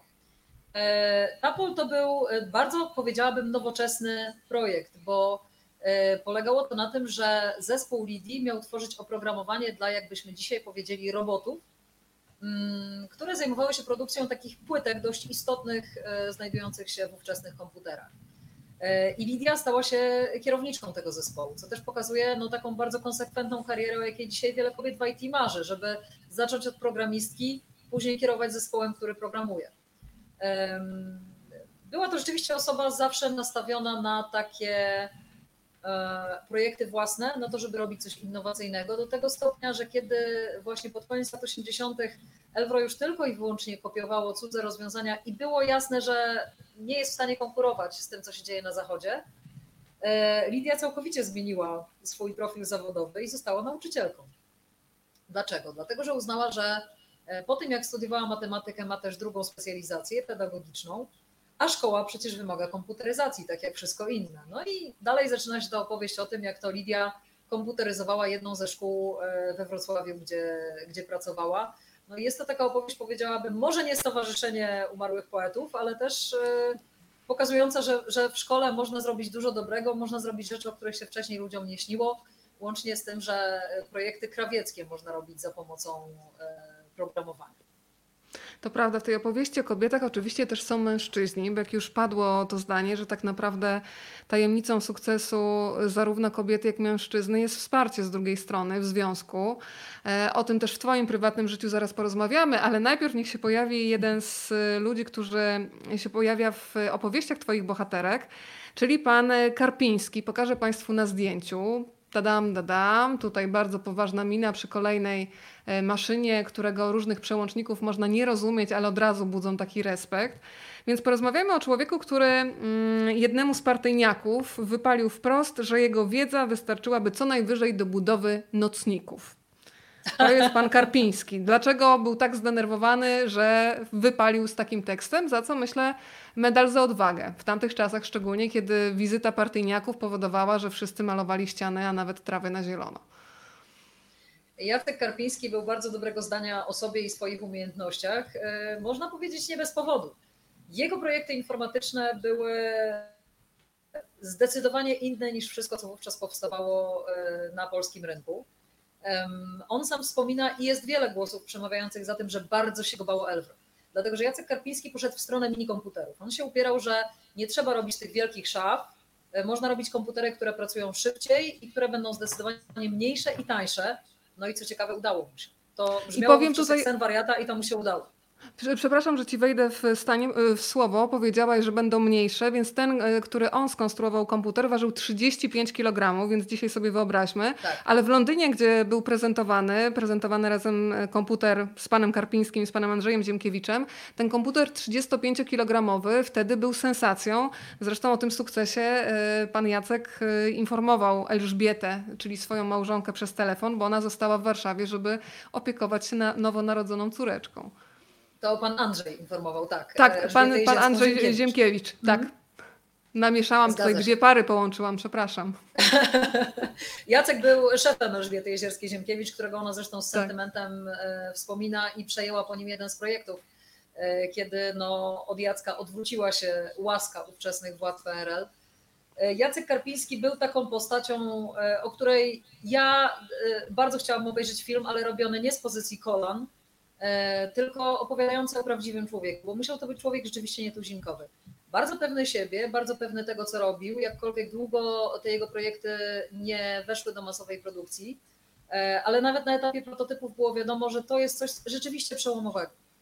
Mm, Jacek Karpiński e, współpracował z wywiadem naukowo-technicznym, o czym no, być może dzisiaj patrzymy na to krzywo, on sam uzasadniał to w ten sposób, nie wprost, y, bo, bo nie przyznawał się do tego głośno, ale kiedy mówił o swoim stosunku do rozwoju technologii w ogóle, to można uznać, że w ten sposób trochę usprawiedliwiał również tę współpracę, że to powinno się odbywać globalnie. Ten rozwój nie powinien być osobny dla każdego kraju. Przecież technologia jest dobrem wspólnym, więc tak naprawdę to, że Zachód robi to osobno, Wschód robi to osobno, wszyscy wszystkim patrzą na ręce, e, wszyscy wobec wszystkich są podejrzliwi i tak dalej, to nie ma sensu. Róbmy to razem. No, jest to bardzo, powiedziałabym, współczesne podejście, które doskonale rozumiem. Mm, Jacek Karpiński początkowo cieszył się ze swoimi projektami poparciem władz. Później, kiedy wszedł Riad, okazało się, że no, nie jest tak do końca wygodnie wspierać coś krajowego, co jest jeszcze no, o parę długości do przodu. I od tego momentu zaczął się taki stopniowy, e, stopniowa zmiana opinii o Jacku Karpińskim, zakończona odsunięciem go od jednego z jego projektów, e, które ostatecznie przejęła po nim jego podopieczna uczennica właśnie Elżbieta Jezierska-Ziemkiewicz i tak powstał komputer Mera 400. E, natomiast w kontekście kobiet, rzeczywiście w zespole Jacka było ich sporo. Te dwie najbardziej znane to właśnie Elżbieta i Teresa Pajkowska, genialna programistka, która brała e, udział właściwie we wszystkich jego, we wszystkich jego projektach, wcześniej również w projekcie UMC1 na Politechnice Warszawskiej, a prywatnie jest mamą znanej żeglarki Joanny Pajkowskiej. To ja pokazuję Państwu od razu, tutaj staram się nadążać za Twoją opowieścią, e, czyli komputer Mera 400, czyli kolejna taka e, szafeczka porządnej wielkości. Myślę, że po tej dzisiejszej rozmowie Państwo docenią swoje komputery, smartfony i całą resztę rozwiązań technologicznych, bo gdyby nie ci ludzie, gdyby nie te kobiety, o których i mężczyźni, o których wspominamy, no to po prostu do tego rozwoju by nie doszło. Niech się pojawi w tej opowieści też bardzo charakterna kobieta. Dzisiaj jesteśmy z Państwem i w Tajlandii, i na Sri Lance, i w Hiszpanii, to niech się pojawi taki wątek, wątek, gdzie możemy wprowadzić Meksyk, a ja już jestem gotowa ze zdjęciem. Tadam, dadam. Kto teraz do nas dołączył? Obie te panie pracowały w Meksyku, jedna jest tam do tej pory. Y, Hanna Oktaba, Oktaba. ta w okularach i Wiesława tak. Bartol, y, tak, blondynka. Y, otóż to były studentki właśnie informatyki na Uniwersytecie Warszawskim w latach 70. Kiedy profesor Andrzej Salwicki, wykładający tam wówczas, wpadł na pomysł stworzenia własnego języka programowania dla wspomnianej zresztą Mary 400. Stało się to tak, że w ręce Andrzeja Salwickiego trafiła dokumentacja norweskiego języka Simula, który, jak Andrzej Salwicki stwierdził, jest całkiem niezły, ale on i jego współpracownicy są w stanie zrobić coś lepszego. Mhm. I tak narodził się właśnie projekt, żeby zrobić własny język programowania przy którym pracowały właśnie e, Hanna i Wiesia. E, trafiły do Andrzeja Salwickiego na seminarium na trzecim roku studiów i Jakobie wspominają, dostały dokumentację simuli norweskiej po rosyjsku, przechwyconą nie wiadomo skąd e, i miały ją przetłumaczyć. No, możemy sobie wyobrazić, że to już był taki głuchy telefon, prawda? Trudno powiedzieć, Trochę ile tak. w tej polskiej wersji tak, było, było z oryginału, ale najważniejsze, że udało się stworzyć coś, co działało. E, I one z racji tego, że te simule właśnie opracowały z myślą o polskich komputerach, stały się znane e, w całym bloku wschodnim. One jeździły z wykładami o tej simuli na przykład e, do Niemiec i tam dla odmiany wykładały po angielsku, więc one wspominają, że ledwie zipały z tymi, z tymi językami. Prezentacje wszystkiego robiło się wówczas na kartkach, no nie były to czasy PowerPointa niestety. Więc jest mnóstwo zabawnych opowieści z tym związanych. Jeszcze deadline'y były dość mordercze, bo Hanna Oktaba wspomina w mojej książce, że właściwie całe święta i całego Sylwestra miała zawalone tym, tym tłumaczeniem, łącznie z tym, że pojechali z mężem w Tatry, a ona zamiast chodzić po górach, to siedziała i tłumaczyła. Zespół rzeczywiście opracował ten język programowania, który był gotowy w 1982 roku i stąd jego nazwa Loglan 82. Y, rok później y, Hanna wyjechała do Meksyku rzeczywiście za mężem, który został tam ściągnięty przez taką instytucję, która wówczas niejako wypożyczała polskich specjalistów e, za granicę. Państwo dostawało za to pieniądze i on akurat trafił do Meksyku. On też był e, specjalistą od, e, od komputerów, ale bardziej w stronę hardware'u. Mm, Hanna natomiast stwierdziła po wybuchu stanu wojennego, że w Polsce no, wszystkie projekty, w których brała udział, jakoś ustały, nie wiadomo co się będzie z nimi działo. Zresztą to, co się działo z Loglanem 82 i z Merą 400, na którą był przygotowywany w czasie stanu wojennego, to też jest opowieść, którą polecam, trochę, trochę dywersji, trochę, trochę dreszczyku. I ona zdecydowała, że, że dojedzie do swojego męża do Meksyku. To się po licznych perypetiach związanych z trudnościami e, w wyjazdach w czasie stanu wojennego w końcu udało. E, I tam zaczęła wykładać na e, uniwersytecie. Zresztą sama wspomina, że zaczęła od simuli, prawda? Czyli no był to jakiś tam krok do tyłu.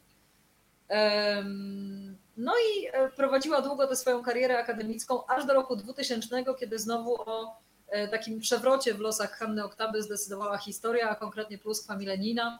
E, chyba wielu z nas pamięta te obawy przed Czy świat się skończy? Kiedy przyjdzie rok 2000, tak, i trzeba będzie zmienić tę datę, i ta data zmieni się automatycznie. Czy to było już 20 lat temu, co... swoją drogą. Teraz się złapałam za głowę, że wydaje mi się to w pamięci tak nieodległa. Minęło 20 lat. Nie, o już. tak, tak było. I wtedy okazało się przy okazji właśnie tych rozważań nad pustką milenijną, że małe firmy produkujące oprogramowanie w Meksyku potrzebują takich standardów działania.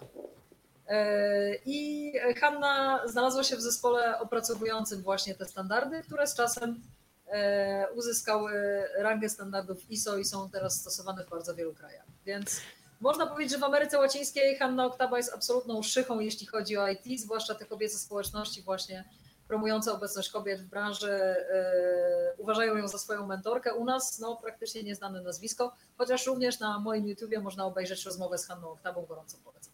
Wyjęłaś mi to z ust, ponieważ to spotkanie widziałam, chciałam Państwu tutaj powiedzieć, ale widzę, że myślimy równolegle, bardzo dobrze.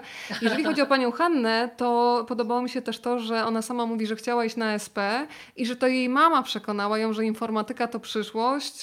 Bardzo ją podziwiam, mówi, że potrafiła to przewidzieć, bo sama miała wykształcenie średnie. E, I tutaj też się pojawia bardzo ciekawy wątek w Twojej książce, który stwierdziłam powinien być obecny w zasadzie w każdej takiej, mm, w każdym zakładzie pracy, chociaż dzisiaj już trudno wypowiadać słowo zakład pracy, czyli akcja przyprowadź córkę do pracy, e, szczególnie w tych branżach IT, które są zdominowane przez mężczyzn, żeby pokazywać, że to jest praca jak każda inna i faktycznie płeć nie ma najmniejszego znaczenia. Czy, czy tych akcji jest więcej niż e, te wspominane przez bohaterki? To się już odbywa. Ten przypadek, o którym wspomniałaś, to była akurat Jolanta Warpechowska, inna kobieta z grupy Oglanu ale mhm. rzeczywiście ona usłyszała coś takiego od swojej mamy. Ona mieszka aktualnie i wykłada na Uniwersytecie w Calgary w Kanadzie i wspominała właśnie o takiej akcji tam prowadzonej. W Polsce to się również dzieje. Nie jest to może jakoś usankcjonowane, tak wiesz, odgórnie państwowo, tak. ale słyszałam o bardzo wielu e, firmach właśnie pracujących nad oprogramowaniem, które organizują tego rodzaju akcje. Nawet e, w mniejszym stopniu dla córek, bardziej po prostu dla dzieci obu płci, żeby sobie przyszły i zobaczyły, że tak, nad oprogramowaniem pracują kobiety i mężczyźni, nikogo to nie dziwi, tak samo. Więc tak, to się dzieje w Polsce, oczywiście. Dużo dobrego zrobiły kursy programowania dla dzieci, um, zwłaszcza, że są też kursy programowania specjalnie dla dziewczynek. Ja wiem, że jak tylko pada hasło, że coś jest specjalnie dla kobiet, to część mężczyzn się najeżdża i mówi, że to jest dyskryminacja. Ale dlaczego w ogóle powstają takie inicjatywy? Dlatego, że e, w bardzo wielu przypadkach, kiedy coś jest dla obu płci, a dotyczy dyscypliny tak zmaskulinizowanej jak informatyka, to okazuje się, że mężczyźni są na tych kursach, czy chłopcy, bardziej pewni siebie. No bo oni od najmłodszych lat obcują z komputerem, są do tego zachęcani i tak dalej, i tak dalej. Dziewczynki gdzieś w tych tylnych ławkach trochę tę pewność siebie tracą, więc żeby one mogły robić to w bezpiecznym środowisku, to organizuje się właśnie, właśnie kursy dla dziewcząt osobne. E, więc jak najbardziej e, jest tych akcji sporo. Jeżeli rozmawiamy o takim etapie liceum, wczesnych studiów, tutaj sporo robi Fundacja Perspektywy, która między innymi organizuje akcje dziewczyn na Politechniki i też program mentoringowy, w ramach którego dziewczyny stawiające swoje pierwsze kroki właśnie w branży technologicznej mogą e, poradzić się, nie wiem, pokazać swój biznesplan osobom związanym już z tą branżą, uznanym nazwiskom i, i po prostu w ten sposób poprowadzić jakoś dalej tą swoją karierę czy naukę. Wspomniałaś panią Jolantę Werpechowską. Państwo ją tutaj mogą zobaczyć w fantastycznej stylóweczce. Nawet zobacz, są, ale są rękawiczki też nawet, takie bardzo koronawirusowe tak. jest to zdjęcie, zobacz, w pewnym sensie. Ja już teraz wszędzie widzę, wiesz, koronawirusa. E, ale bardzo fajnie ona opowiada u ciebie w książce o tym, że dziewczyny bardzo często są spychane do roli sekretarek, robią notatki, przygotowują prezentacje i ona mm, razem ze swoim ukochanym postanowili, że w pewnym sensie no, rozwalą ten system i kiedy widzą takie próby obarczania dziewczyn mniej technicznymi zadaniami, to od razu jako wykładowcy wkraczają do akcji i decydują o kompletnie innym podziale. I kiedy ten podział zostaje narzucony, okazuje, okazuje się, że te dziewczyny radzą, radzą sobie równie świetnie co mężczyźni, tylko no, czasami nie mają możliwości, żeby pokazać to, co potrafią. To się chyba do tego sprowadza, prawda? Tak. E, Jolanta rzeczywiście razem ze swoim partnerem prowadzi zajęcia na uniwersytecie. Tutaj jest akurat mowa również o kursach programowania, e, które, które ona także prowadzi. E, I rzeczywiście w momencie, kiedy trochę zrewolucjonizujemy skład takiego zespołu, czy, czy ten podział zadań, okazuje się, że to absolutnie nie jest tak, że e, kobiety się nie nadają, tylko po prostu mają problem z tym, żeby się przebić bardzo często. Mm, a z tym traktowaniem kobiet na zasadzie to pani niech zrobi notatki, albo to pani niech, nie wiem, przygotuje kawę, no to jest taka, taka anegdota też, która się w mojej książce pojawia, że w pewnym momencie e, w czasie pracy jednego z zespołów e, pada, to może Tereska niech zrobi kawę, na co Tereska odpowiada, to może Krzysiu niech zrobi. No bo dlaczego... Też ma dwie ręce, dlaczego prawda? To ma, dlaczego to ma być zawsze Tereska, tak? To prawda. Powiedzmy jeszcze o sytuacjach, kiedy dziewczyny odbierały telefony od zaniepokojonych klientów, że dzieją się dziwne rzeczy o konkretnej godzinie, tam chyba jest 23, padają wszystkie mhm. systemy, no i trzeba sobie poradzić z awarią, która jest bardzo podejrzana, bo teoretycznie nowe oprogramowanie, wszystko powinno działać i co się okazuje? E, to już były czasy e, współczesne, znaczy współczesne, tak. no lata 90., kiedy rzeczywiście komputery były wprowadzane do bardzo wielu firm i moja bohaterka Jolanta Bysiek o tym opowiada, bo no, stawiała wtedy pierwsze kroki w zarządzaniu projektami i właśnie kierowała takim zespołem e, helpdeskiem, w którym zatrudniała głównie studentki. One odbierały telefony właśnie i część sygnałów dotyczyła takiej bardzo niepokojącej awarii. Codziennie o 23 no, padało wszystko w jednej firmie. No więc specjaliści z tej firmy komputeryzującej postanowili tam zajrzeć i okazało się, że po prostu o 23 przychodzi serwis sprzątający, który odłącza od prądu komputery i podłącza jakieś tam odkurzacze, coś tam swojego. E, a potem e, włącza z powrotem te komputery i po kilku minutach wszystko, co padło, właśnie wstaje. Więc e, to jest taka zabawna historia związana z tymi początkami komputeryzacji w Polsce, kiedy ludzie autentycznie trochę się tych komputerów bali. To są właśnie te czasy, kiedy, kiedy wszyscy się bali, że nie wiem, przycisną jeden klawisz i coś zepsują. Dzisiaj już wiemy, że żeby zepsuć komputer, to trzeba mieć, o, myślę, że bardzo dużą wiedzę o, o informatyce. No chyba, że się ma kawę z cukrem i z mlekiem obok komputera, to jest to dość proste. Dzień dobry. Tak, wtedy, wtedy tak. wtedy tak. E, natomiast rzeczywiście te, te historie o początku komputeryzacji, o tym też jak ci ludzie pracowali, e, takie warunki tego drapieżnego kapitalizmu lat 90., e, no to jest taka jedyna opowieść już kończąca tą, tą, tą właśnie moją, no tę chronologię w mojej książce powiedzmy. Jej bohaterką jest właśnie Jolanta Bysiek. Powiedziałaś też e, o, tych, o tym takim dzikim czasie e, i faktycznie w tym świecie technologii był czas, kiedy w zasadzie no, nikt się nie przejmował prawami autorskimi, tylko pracowano tak, jak e, władza ludowa kazała, czy potem już nawet kiedy był kapitalizm, tylko no, te prawa autorskie były sobie. Powiedz, jak to rozwiązywano, bo dzisiaj to myślę, że sporo procesów za, za to, jak wtedy funkcjonowała informatyka, by się tutaj odbyło, wygranych przed sądem. Jeżeli chodzi o ten rozdział, w którym występuje właśnie Jolanta Bysiek, to ona wspomina o tym, że pod koniec lat 80. Y, w Instytucie Maszyn Matematycznych powstawał edytor tekstu dla komputera Mazowia. I e, ten edytor był żywcem wzorowany na e, edytorze sprowadzonym z, no, skądinąd. E, I absolutnie nikt się nie przejmował tym, że to jest robione dokładnie tak samo. Mm, i właściwie żadnej własnej koncepcji tutaj nie ma. Nawet nie było żadnych takich wyróżników, które by spowodowały, że ktoś patrzący na, ten, na tę aplikację e, stwierdziłby, że nie, ona jednak jest autorska, bo ma na przykład to. Nie, to było po prostu żywcem skopiowane z, z zachodnich źródeł. E, jak to było rozwiązywane wcześniej? Wcześniej e, różnymi kanałami docierała do Polski dokumentacja komputerów, czasami brytyjskich, czasami amerykańskich. Najczęściej odbywało się to w ten sposób, że udawało się naszym e, informatykom nawiązać kontakt z kimś z zagranicy. Czasami były to kontakty czysto koleżeńskie, no, na jakiejś konferencji ktoś kogoś poznał i tak dalej. Nasze władze były zwolennikami takich kontaktów, bo uważały, że ach, dzięki temu coś przechwycimy i może będziemy mieli coś lepszego. E, działał też dość prężnie wywiad naukowo-techniczny, o czym no, już w tej chwili niewiele wiadomo, które dokładnie z tych projektów od tego się zaczęły. Można domniemywać, że gdzieś na końcu tego łańcucha byli, e, były moje bohaterki i moi bohaterowie, którzy z tych źródeł czasami bardziej, czasami mniej fragmentarycznych korzystali. E, natomiast ich pozyskanie rzeczywiście było dość trudne, tym bardziej, że o czym też pisze, działała taka blokada. E, założyły ją kraje zachodnie w obawie przed tym, że wschód wykorzysta po prostu ich technologię mm, do celów wojskowych. Karolina jest coraz bardziej międzynarodowo. Właśnie Nowy Jork dołączył w postaci pani Beaty. Pani Beato bardzo gorąco pozdrawiamy i przyznaję, że gdyby był możliwy taki teleporter, to spokojnie mogłybyśmy też gdzieś w Nowym Jorku E, usiąść na kawie i kontynuować też tę rozmowę, ale jeszcze takie czasy wrócą. E, porozmawiamy też o, trochę o dobrych informacjach. Piszesz między innymi o tym, że Polska może się pochwalić najwyższym wśród państw Organizacji Współpracy Gospodarczej i Rozwoju odsetkiem kobiet, absolwentek kierunków ścisłych, technicznych z zakresu technologii informatyczno-komunikacyjnych. E, ten procent, znaczy ten wskaźnik to jest 44% przy średniej wynoszącej 31%, więc faktycznie powiem Ci, że dla mnie to była zaskakująca zaskakująca informacja. Dla mnie tak, ale zastanawiam się, na ile dla ciebie, która już jednak od e, dłuższego czasu siedzisz w tym świecie. Więc co cię najbardziej zaskoczyło przy tworzeniu tej książki Cyfro Dziewczyny? E, ta informacja, o której wspomniałaś, też mnie zaskoczyła, tym bardziej, że e, jeżeli chodzi o same kierunki mm, informatyczne czy teleinformatyczne, no to kobiety stanowią 15% studentów.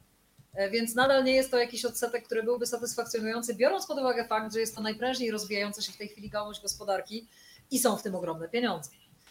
Co mnie najbardziej zaskoczyło, kiedy pisałam Cyfro Dziewczyny, kiedy właściwie tak. zbierałam materiał do Cyfro Dziewczyn. Przede wszystkim to, że tych karier kobiet w dawnym IT było tak dużo, że naprawdę tych postaci jest sporo i właściwie każda z tych historii jest inna, bo ja się trochę obawiałam, że one będą do siebie jakoś podobne. Mm, zaskoczyło mnie również to, z jaką łatwością moje bohaterki awansowały wówczas na stanowiska menedżerskie, kierownicze i one autentycznie były zdziwione tym, że ja jestem zdziwiona. Mówiły, że w tamtych czasach to było naturalne. Mówimy o latach 70., właściwie... 80., prawda? 60. nawet. Tak. E, bardziej o 60., 70., bo to był czas tego rozkwitu i najbardziej dynamicznego rozwoju naszej, naszej informatyki.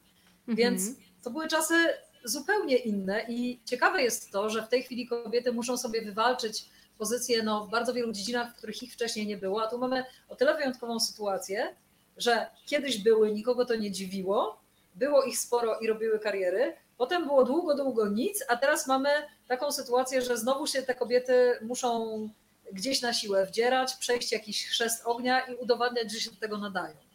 No, jest to bardzo nietypowa sytuacja. Muszę też powiedzieć, że zaskoczyło mnie to, jak bardzo nieszablonowe bywało życie osobiste moich bohaterek. To, co wspomniałaś o tych wspierających partnerach, że dla nich to było oczywiste, że one muszą się związać z kimś, kto na przykład na dwa tygodnie przejmie wszystkie obowiązki domowe i opiekę nad dzieckiem kiedy one będą jechały gdzieś tam wdrożyć Odrę, bo wdrożenie Odry w nowym zakładzie trwało dwa tygodnie. E, to Więc prawda. to absolutnie nie był czas na związki oparte na tradycyjnym podziale ról, ani czas, ani miejsce. I dla moich bohaterek to było oczywiste w tamtych czasach. To mogę powiedzieć jako czteroletnia prawie mężatka, że zdecydowanie, drogie panie, które jeszcze są singielkami po drugiej stronie, jeżeli szukacie mężczyzny, to takiego, który będzie potrafił być z was dumny i nie będzie rywalizacji, tylko będzie wspieranie. I myślę, że na takiego męża, moja droga, trafiłaś. Swoją drogą na książce e, funkcjonujesz jako Karolina Wasielewska. A tu drugie nazwisko czas, żeby chyba też padło, bo jak Państwo zaczną szukać, to może się okazać, że na Facebooku już Wasielewskiej nie znajdziecie. E, no nie, rzeczywiście opublikowałam książkę pod panieńskim nazwiskiem, żeby po prostu mieć pewną ciągłość, dlatego że w radiu, tak. gdzie na co dzień pracuję, też występuję pod panieńskim nazwiskiem, żeby się, że tak powiem, w CV zgadzało.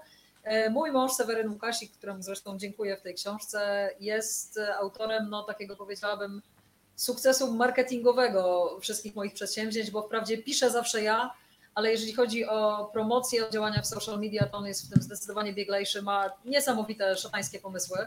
E, czasami niektórych się boję, ale na samym końcu okazują się, okazują się zazwyczaj dobre. E, jest też e, bieglejszy technicznie ode mnie, więc jest dla mnie ogromnym wsparciem. I muszę powiedzieć, że poniekąd ten projekt Girls Gone Tech jest, jest projektem dwuosobowym. I ja absolutnie nie czuję, że jestem tutaj jedyną, jedyną matką tego, tego sukcesu, bo myślę, że bez Seweryna owszem rozwijałoby się to, ale zdecydowanie wolniej, więc muszę powiedzieć, że tak jak rozmawiałam o tych wspierających partnerach z moimi, z moimi bohaterkami, też czułam, że, e, że takiego partnera mam. I też mogę życzyć każdej kobiecie, żeby tak było.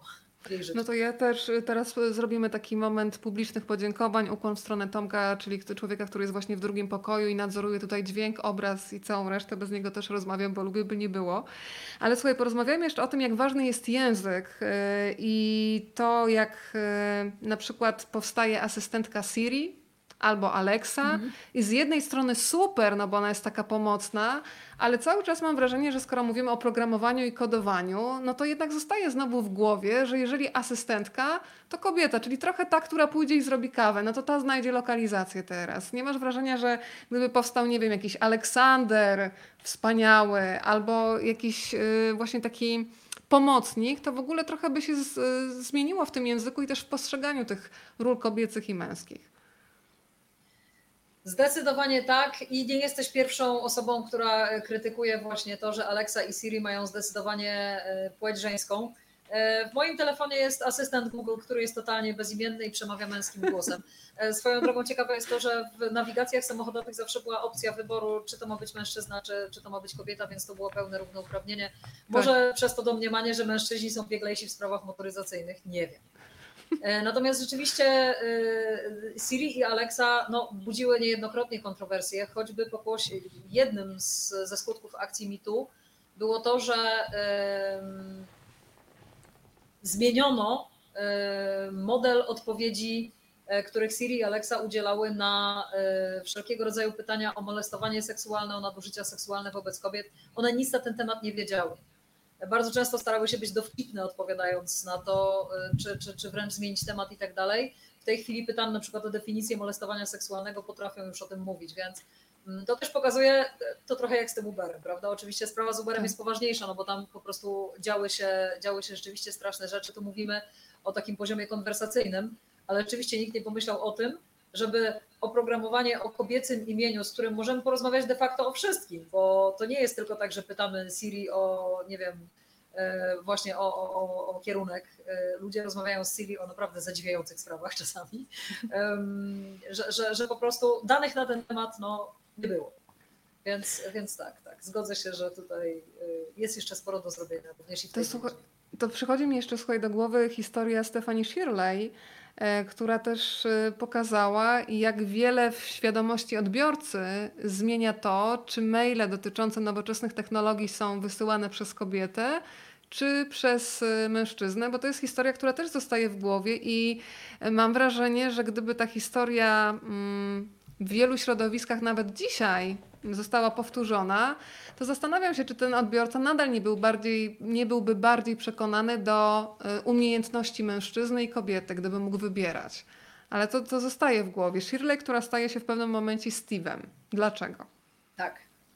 E, przede wszystkim to e, Stephanie Shirley funkcjonuje pod e, wieloma personaliami, bo ona urodziła się jako Vera Buchtal, i trafiła do Wielkiej Brytanii e, z transportem e, żydowskich dzieci uratowanych po prostu przed, przed zagładą.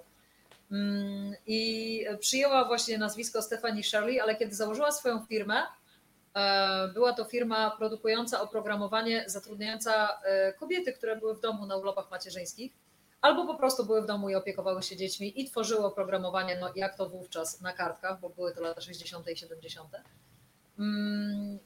E, ona złapała się na tym, że kiedy proponuje komuś swoje usługi, to nie jest traktowana poważnie, chyba że użyje męskiego imienia. I zaczęła podpisywać się jako Steve. W efekcie bardzo często, e, kiedy wysyłała komuś ofertę swojej firmy, e, otrzymywała odpowiedź, że świetnie, Steve, jesteśmy zainteresowani. Po czym szła na spotkanie i pokazywała się wtedy no już nie jako Steve, tylko jako Stefan. Natomiast jej doświadczenia rzeczywiście, e, można powiedzieć, że cała jej kariera i to, że w ogóle jej firma powstała, rozwinęło się dzięki temu, że ona odczuła bardzo mocno tę dyskryminację ze względu na płeć już na początku swojej kariery e, programistycznej, kiedy sama pracowała w ośrodku państwowym w Bletchley Park w Wielkiej Brytanii. I e, tam właściwie ciągle była właśnie spychana do roli takiej trochę asystentki, nie dopuszczano jej do głosu, i ona w pewnym momencie stwierdziła, że ma tego dość, a jeżeli nie chce być tak traktowana, to musi założyć własną firmę, co było wtedy o tyle odważnym ruchem, że tak w ogóle wtedy firmy, które y, miały u siebie komputery, korzystały raczej z oprogramowania producenta. Raczej nie było takiej mody, żeby kupować oprogramowanie od firm zewnętrznych. No ale na tym, że posługiwała się personaliami Steve'a, dojechała y, całkiem daleko. Udało się między innymi pozyskać dla jej firmy kontrakt na oprogramowanie czarnych skrzynek dla ponaddźwiękowych samolotów Concorde. I z tego jej firma Freelance Programmers jest najbardziej znana. I to jest cudowne, kiedy opowiadasz o paniach pracujących tak naprawdę z, z domu, które tworzą oprogramowanie tak. do samolotu ponaddźwiękowego. To jest coś, co naprawdę robi ogromne wrażenie. To na koniec, Karolina, powiedzmy trochę, oczywiście, jeżeli Państwo mają pytania po drugiej stronie, bo Państwo się grzecznie przysłuchują i pozdrawiają, ale można też zadawać konkretne pytania dotyczące branży IT, ale też myślę samego procesu tworzenia książki, bo to jest ten świetny moment, Karolina, to jest fantastyczne uczucie, kiedy ma się w rękach swój debiut. To już się nigdy nie powtórzy. Nie wiem, jakie są emocje przy drugiej. E, zaraz się też o ten pierwszy moment, kiedy masz fizycznie książkę w rękach zapytam, więc zachęcam, to jest ten moment, żeby się uaktywnić. Jeżeli Państwo są ciekawi, to proszę zamieniać tę ciekawość na pytania. Porozmawiajmy. Ostatnie pytanie ode mnie. Wspominasz o wielu programach skierowanych dla dziewcząt, które mają w sobie talent, mają w sobie chęci, ale nie do końca wiedzą, gdzie się zwrócić y, po pomoc, nawet taką czystą finansową, y, w, dla realizacji swoich projektów. E, nie dalej jak wczoraj rozmawiałam z koleżanką, która jeszcze w czasach, kiedy nie było Erasmusa, tak naprawdę na własną rękę pisała listy do różnych uczelni w Europie jako takie biedne dziecko z Polski, które prosi, czy się zgodzą i udało jej się w ogóle to e, przeforsować, więc to jest kolejny dowód na to, że warto próbować. Ale ty piszesz między innymi o programie IT for She. E, piszesz o podwieczorkach technologicznych, ale też o specjalnych obozach, na których po prostu ludzie się uczą programowania. Powiedz trochę o tym więcej dla tych, którzy szukają takiej wędki, po którą by chcieli mogli, sięgnąć?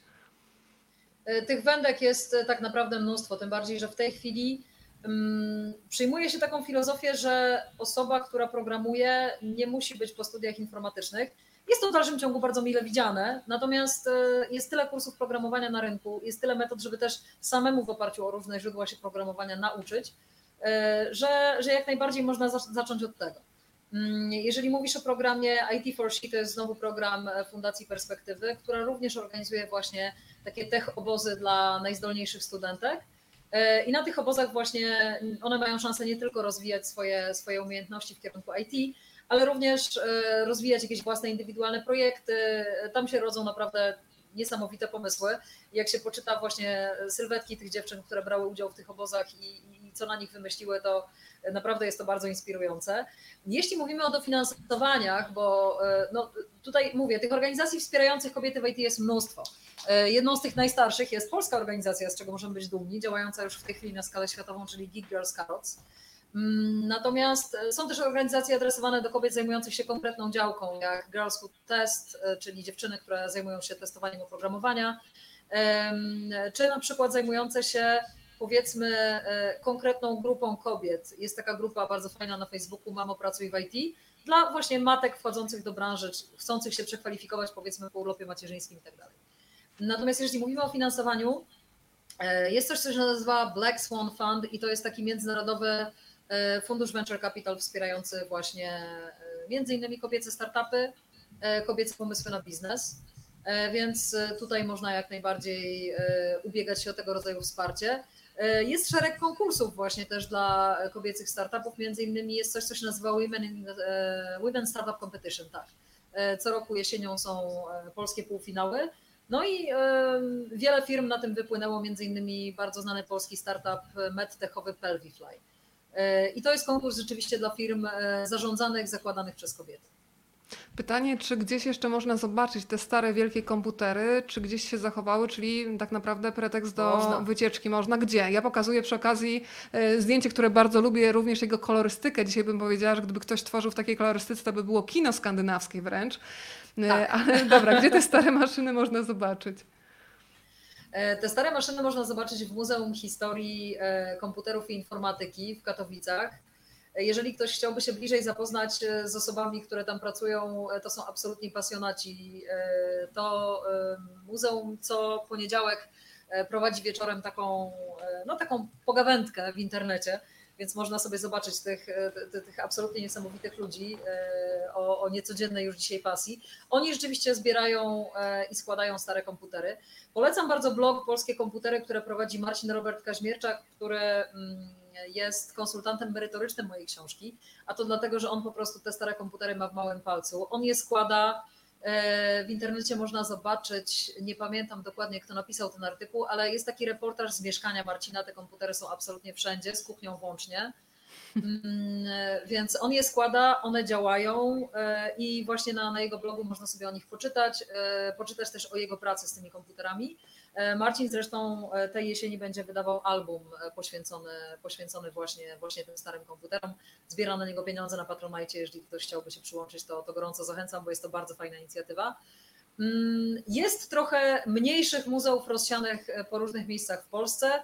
Jest muzeum pokazujące stare komputery Apple, jest e, bodajże w Poznaniu, ale nie wiem, czy w tym momencie nie oszukuję, Muzeum Starych Gier Komputerowych. To są oczywiście takie inicjatywy, powiedziałabym, mocno alternatywne. Nie są to muzea rzędu, prawda, Muzeum Narodowe.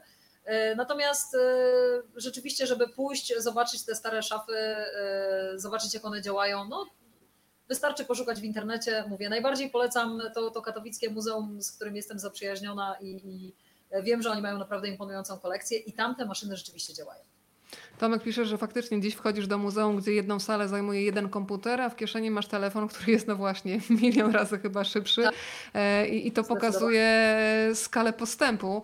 E, pani Beata prosi o link e, pod rozmową, rozumiem, że do muzeum. Dobrze, poszukamy, podłączymy. To Karolina, moje finałowe pytanie no, dotyczące emocji. Wychodzimy na chwilę z technologii, z cyferek, z tych wszystkich taśm, z dziurkowania.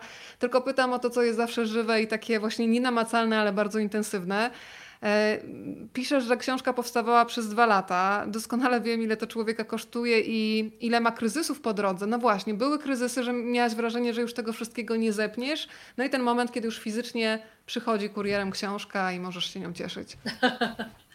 E, u mnie kryzysy wynikały chyba z trochę czegoś innego. To znaczy, w momencie, kiedy poznałam te opowieści, te historie moich bohaterek, to pomyślałam sobie, petarda, to trzeba napisać a z drugiej strony, kiedy już któryś raz, na pewno jako osoba, która też napisała książkę, e, złapałaś się na tym, kiedy już któryś raz kombinowałam, jak napisać tę samą historię, o co ją jeszcze wzbogacić, to już miałam takie wrażenie, że wszyscy te historie znają i że to nie jest już nic ciekawego. Pomimo, że zdałam je tylko ja i ewentualnie tak. osoby z mojego najbliższego otoczenia, z którymi się, z którymi się tym podzieliłam. E, miałam niejaki problem też z organizacją pracy, dlatego że no mam, mam etatowe zajęcie tak i, i robiłam to, to po godzinach więc e, rzeczywiście z tym bywały związane różne trudności. Jakkolwiek muszę powiedzieć, że nigdy nie miałam czegoś takiego, że zwątpiłam w ten projekt i stwierdziłam, że nie ma sensu tego robić. Bywało trudniej, bywały takie dni, kiedy trzeba było zacisnąć zęby e, i coś tam zrobić. E, trudna była dla mnie również korekta tej książki, ponieważ okazało się, że ja być może potrafię pisać, ja być może dużo wiem i być może zebrałam fajne historie, ale o tym, jak stworzyć dobrą książkę, to jeszcze wiem niewiele i bardzo dziękuję pani Magdzie Błędowskiej z e, wydawnictwa Krytyka Polityczna, która mi bardzo pomogła poskładać te opowieści w taką właśnie no, e, płynącą całość, jak, jak, jak to jest dzisiaj. Mm, więc nie, kryzysów jako takich może nie było. Uczucie, kiedy rzeczywiście już miałam fizycznie tę książkę w rękach, no nie da się porównać z niczym. Ogromna ulga, że się udało, ogromne szczęście i takie zastanawianie się, co teraz, czy ludzie będą chcieli to czytać, czy ich to zainteresuje no tak, dużo różnych emocji.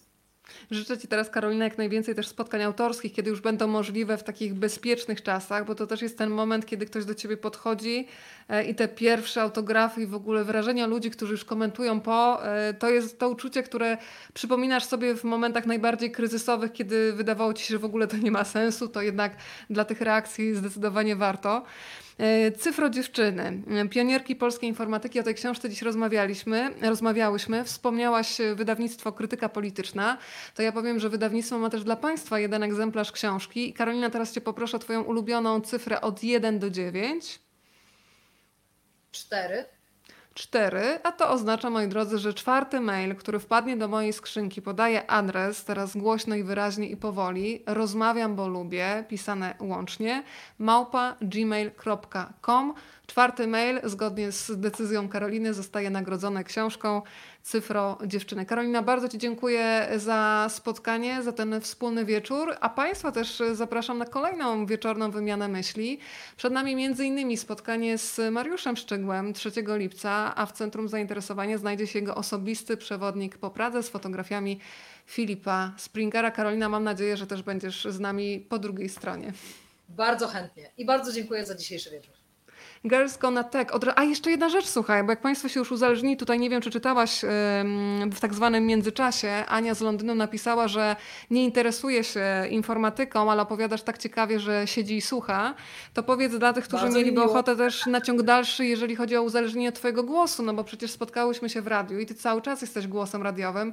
Opowiedz jeszcze na do widzenia dla tych, którzy nie wiedzą, gdzie można Cię na co dzień słuchać. E, na co dzień można mnie usłyszeć e, w Radiu Pogoda, e, w Radiu Złote Przeboje, w Rock Radio, tak, w stacjach Agory. Dokładnie tak. No to pozdrowienia. Do usłyszenia w takim razie po radiowemu się pożegnam, albo w zasadzie dzisiaj do zobaczenia. Bardzo dziękuję za wspólny wieczór. Cyfro dziewczyny dzisiaj były w centrum naszego zainteresowania. Dziękuję Wam bardzo wszystkim, którzy byli z nami po Dziękuję drugiej bardzo. stronie. Dzięki wielkie.